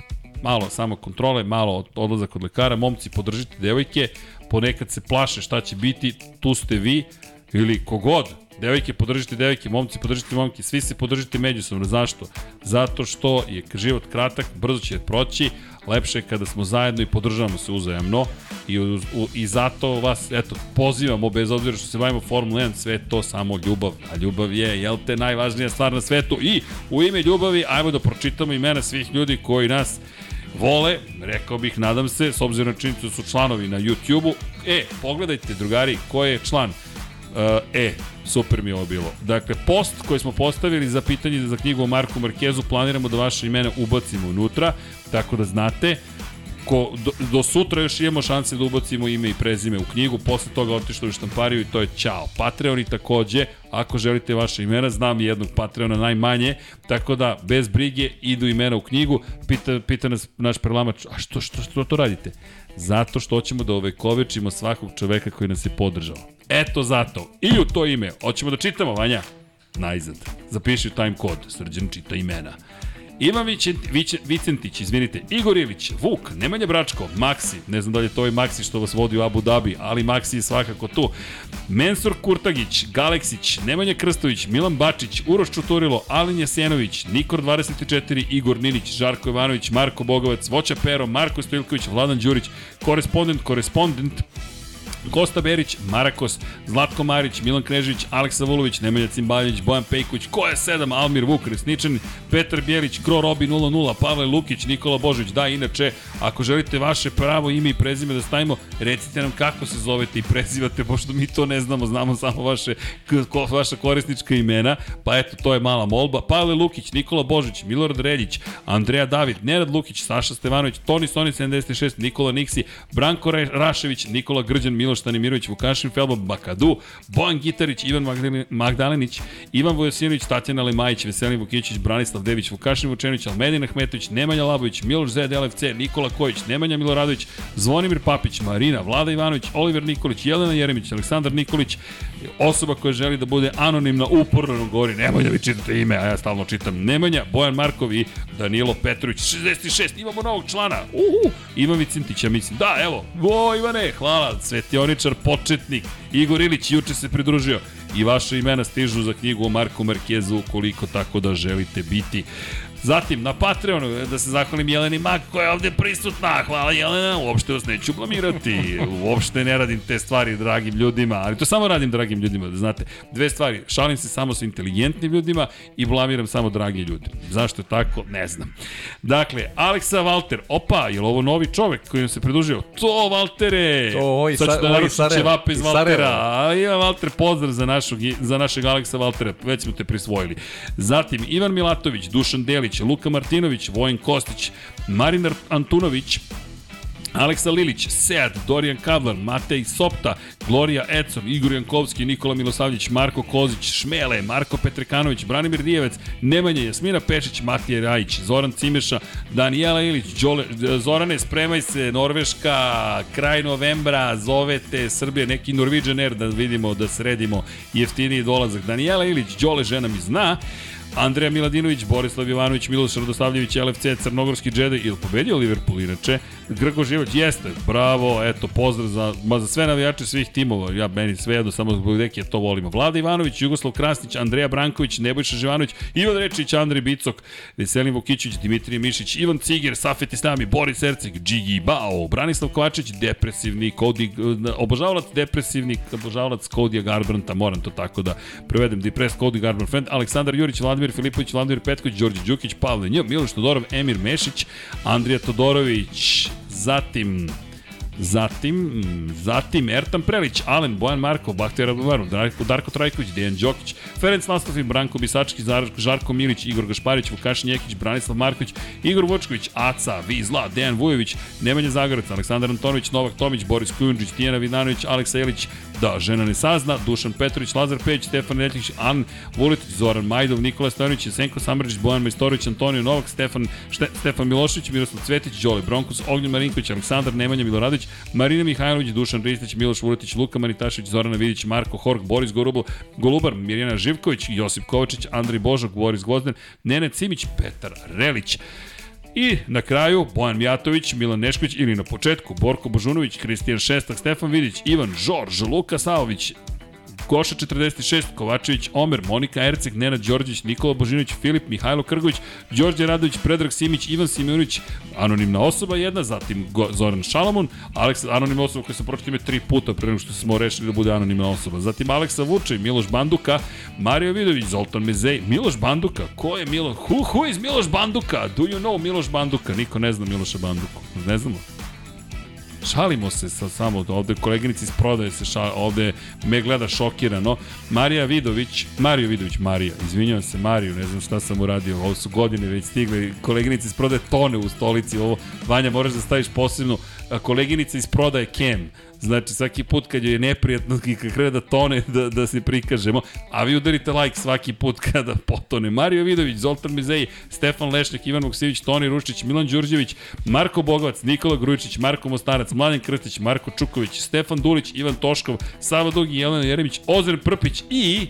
i ne zamerite svi ostali, ali poseban pozdrav za damu koja je čekala svoje ime, ja ga namerno preskočio i šokirala se kako nema mog imena. Jana Mak i u to ime ja vam želim svima jednu lepu, laku, veselu noć. Aplauz za sve vas, 20.000 ljudi, ludilo. A! I Pajo, Pajo. Sad Ćao ka... svima, a? Ne, ne, sad ti kažeš Jare. Pajo, Dobro, Jare, dajde. Stvarno, Jare. Voliš da budeš Jare, pa to to, ti, a? pa pare Jare. ne može Jare i pare, šalo na stranu. Ne znam, ne mogu da pratim šta hoćeš. Jare, čao svima. Izjasni se. Hoćemo jedno čao svima. Ajde. 1, 2, 3. 1, 2, 3. Ćao svima!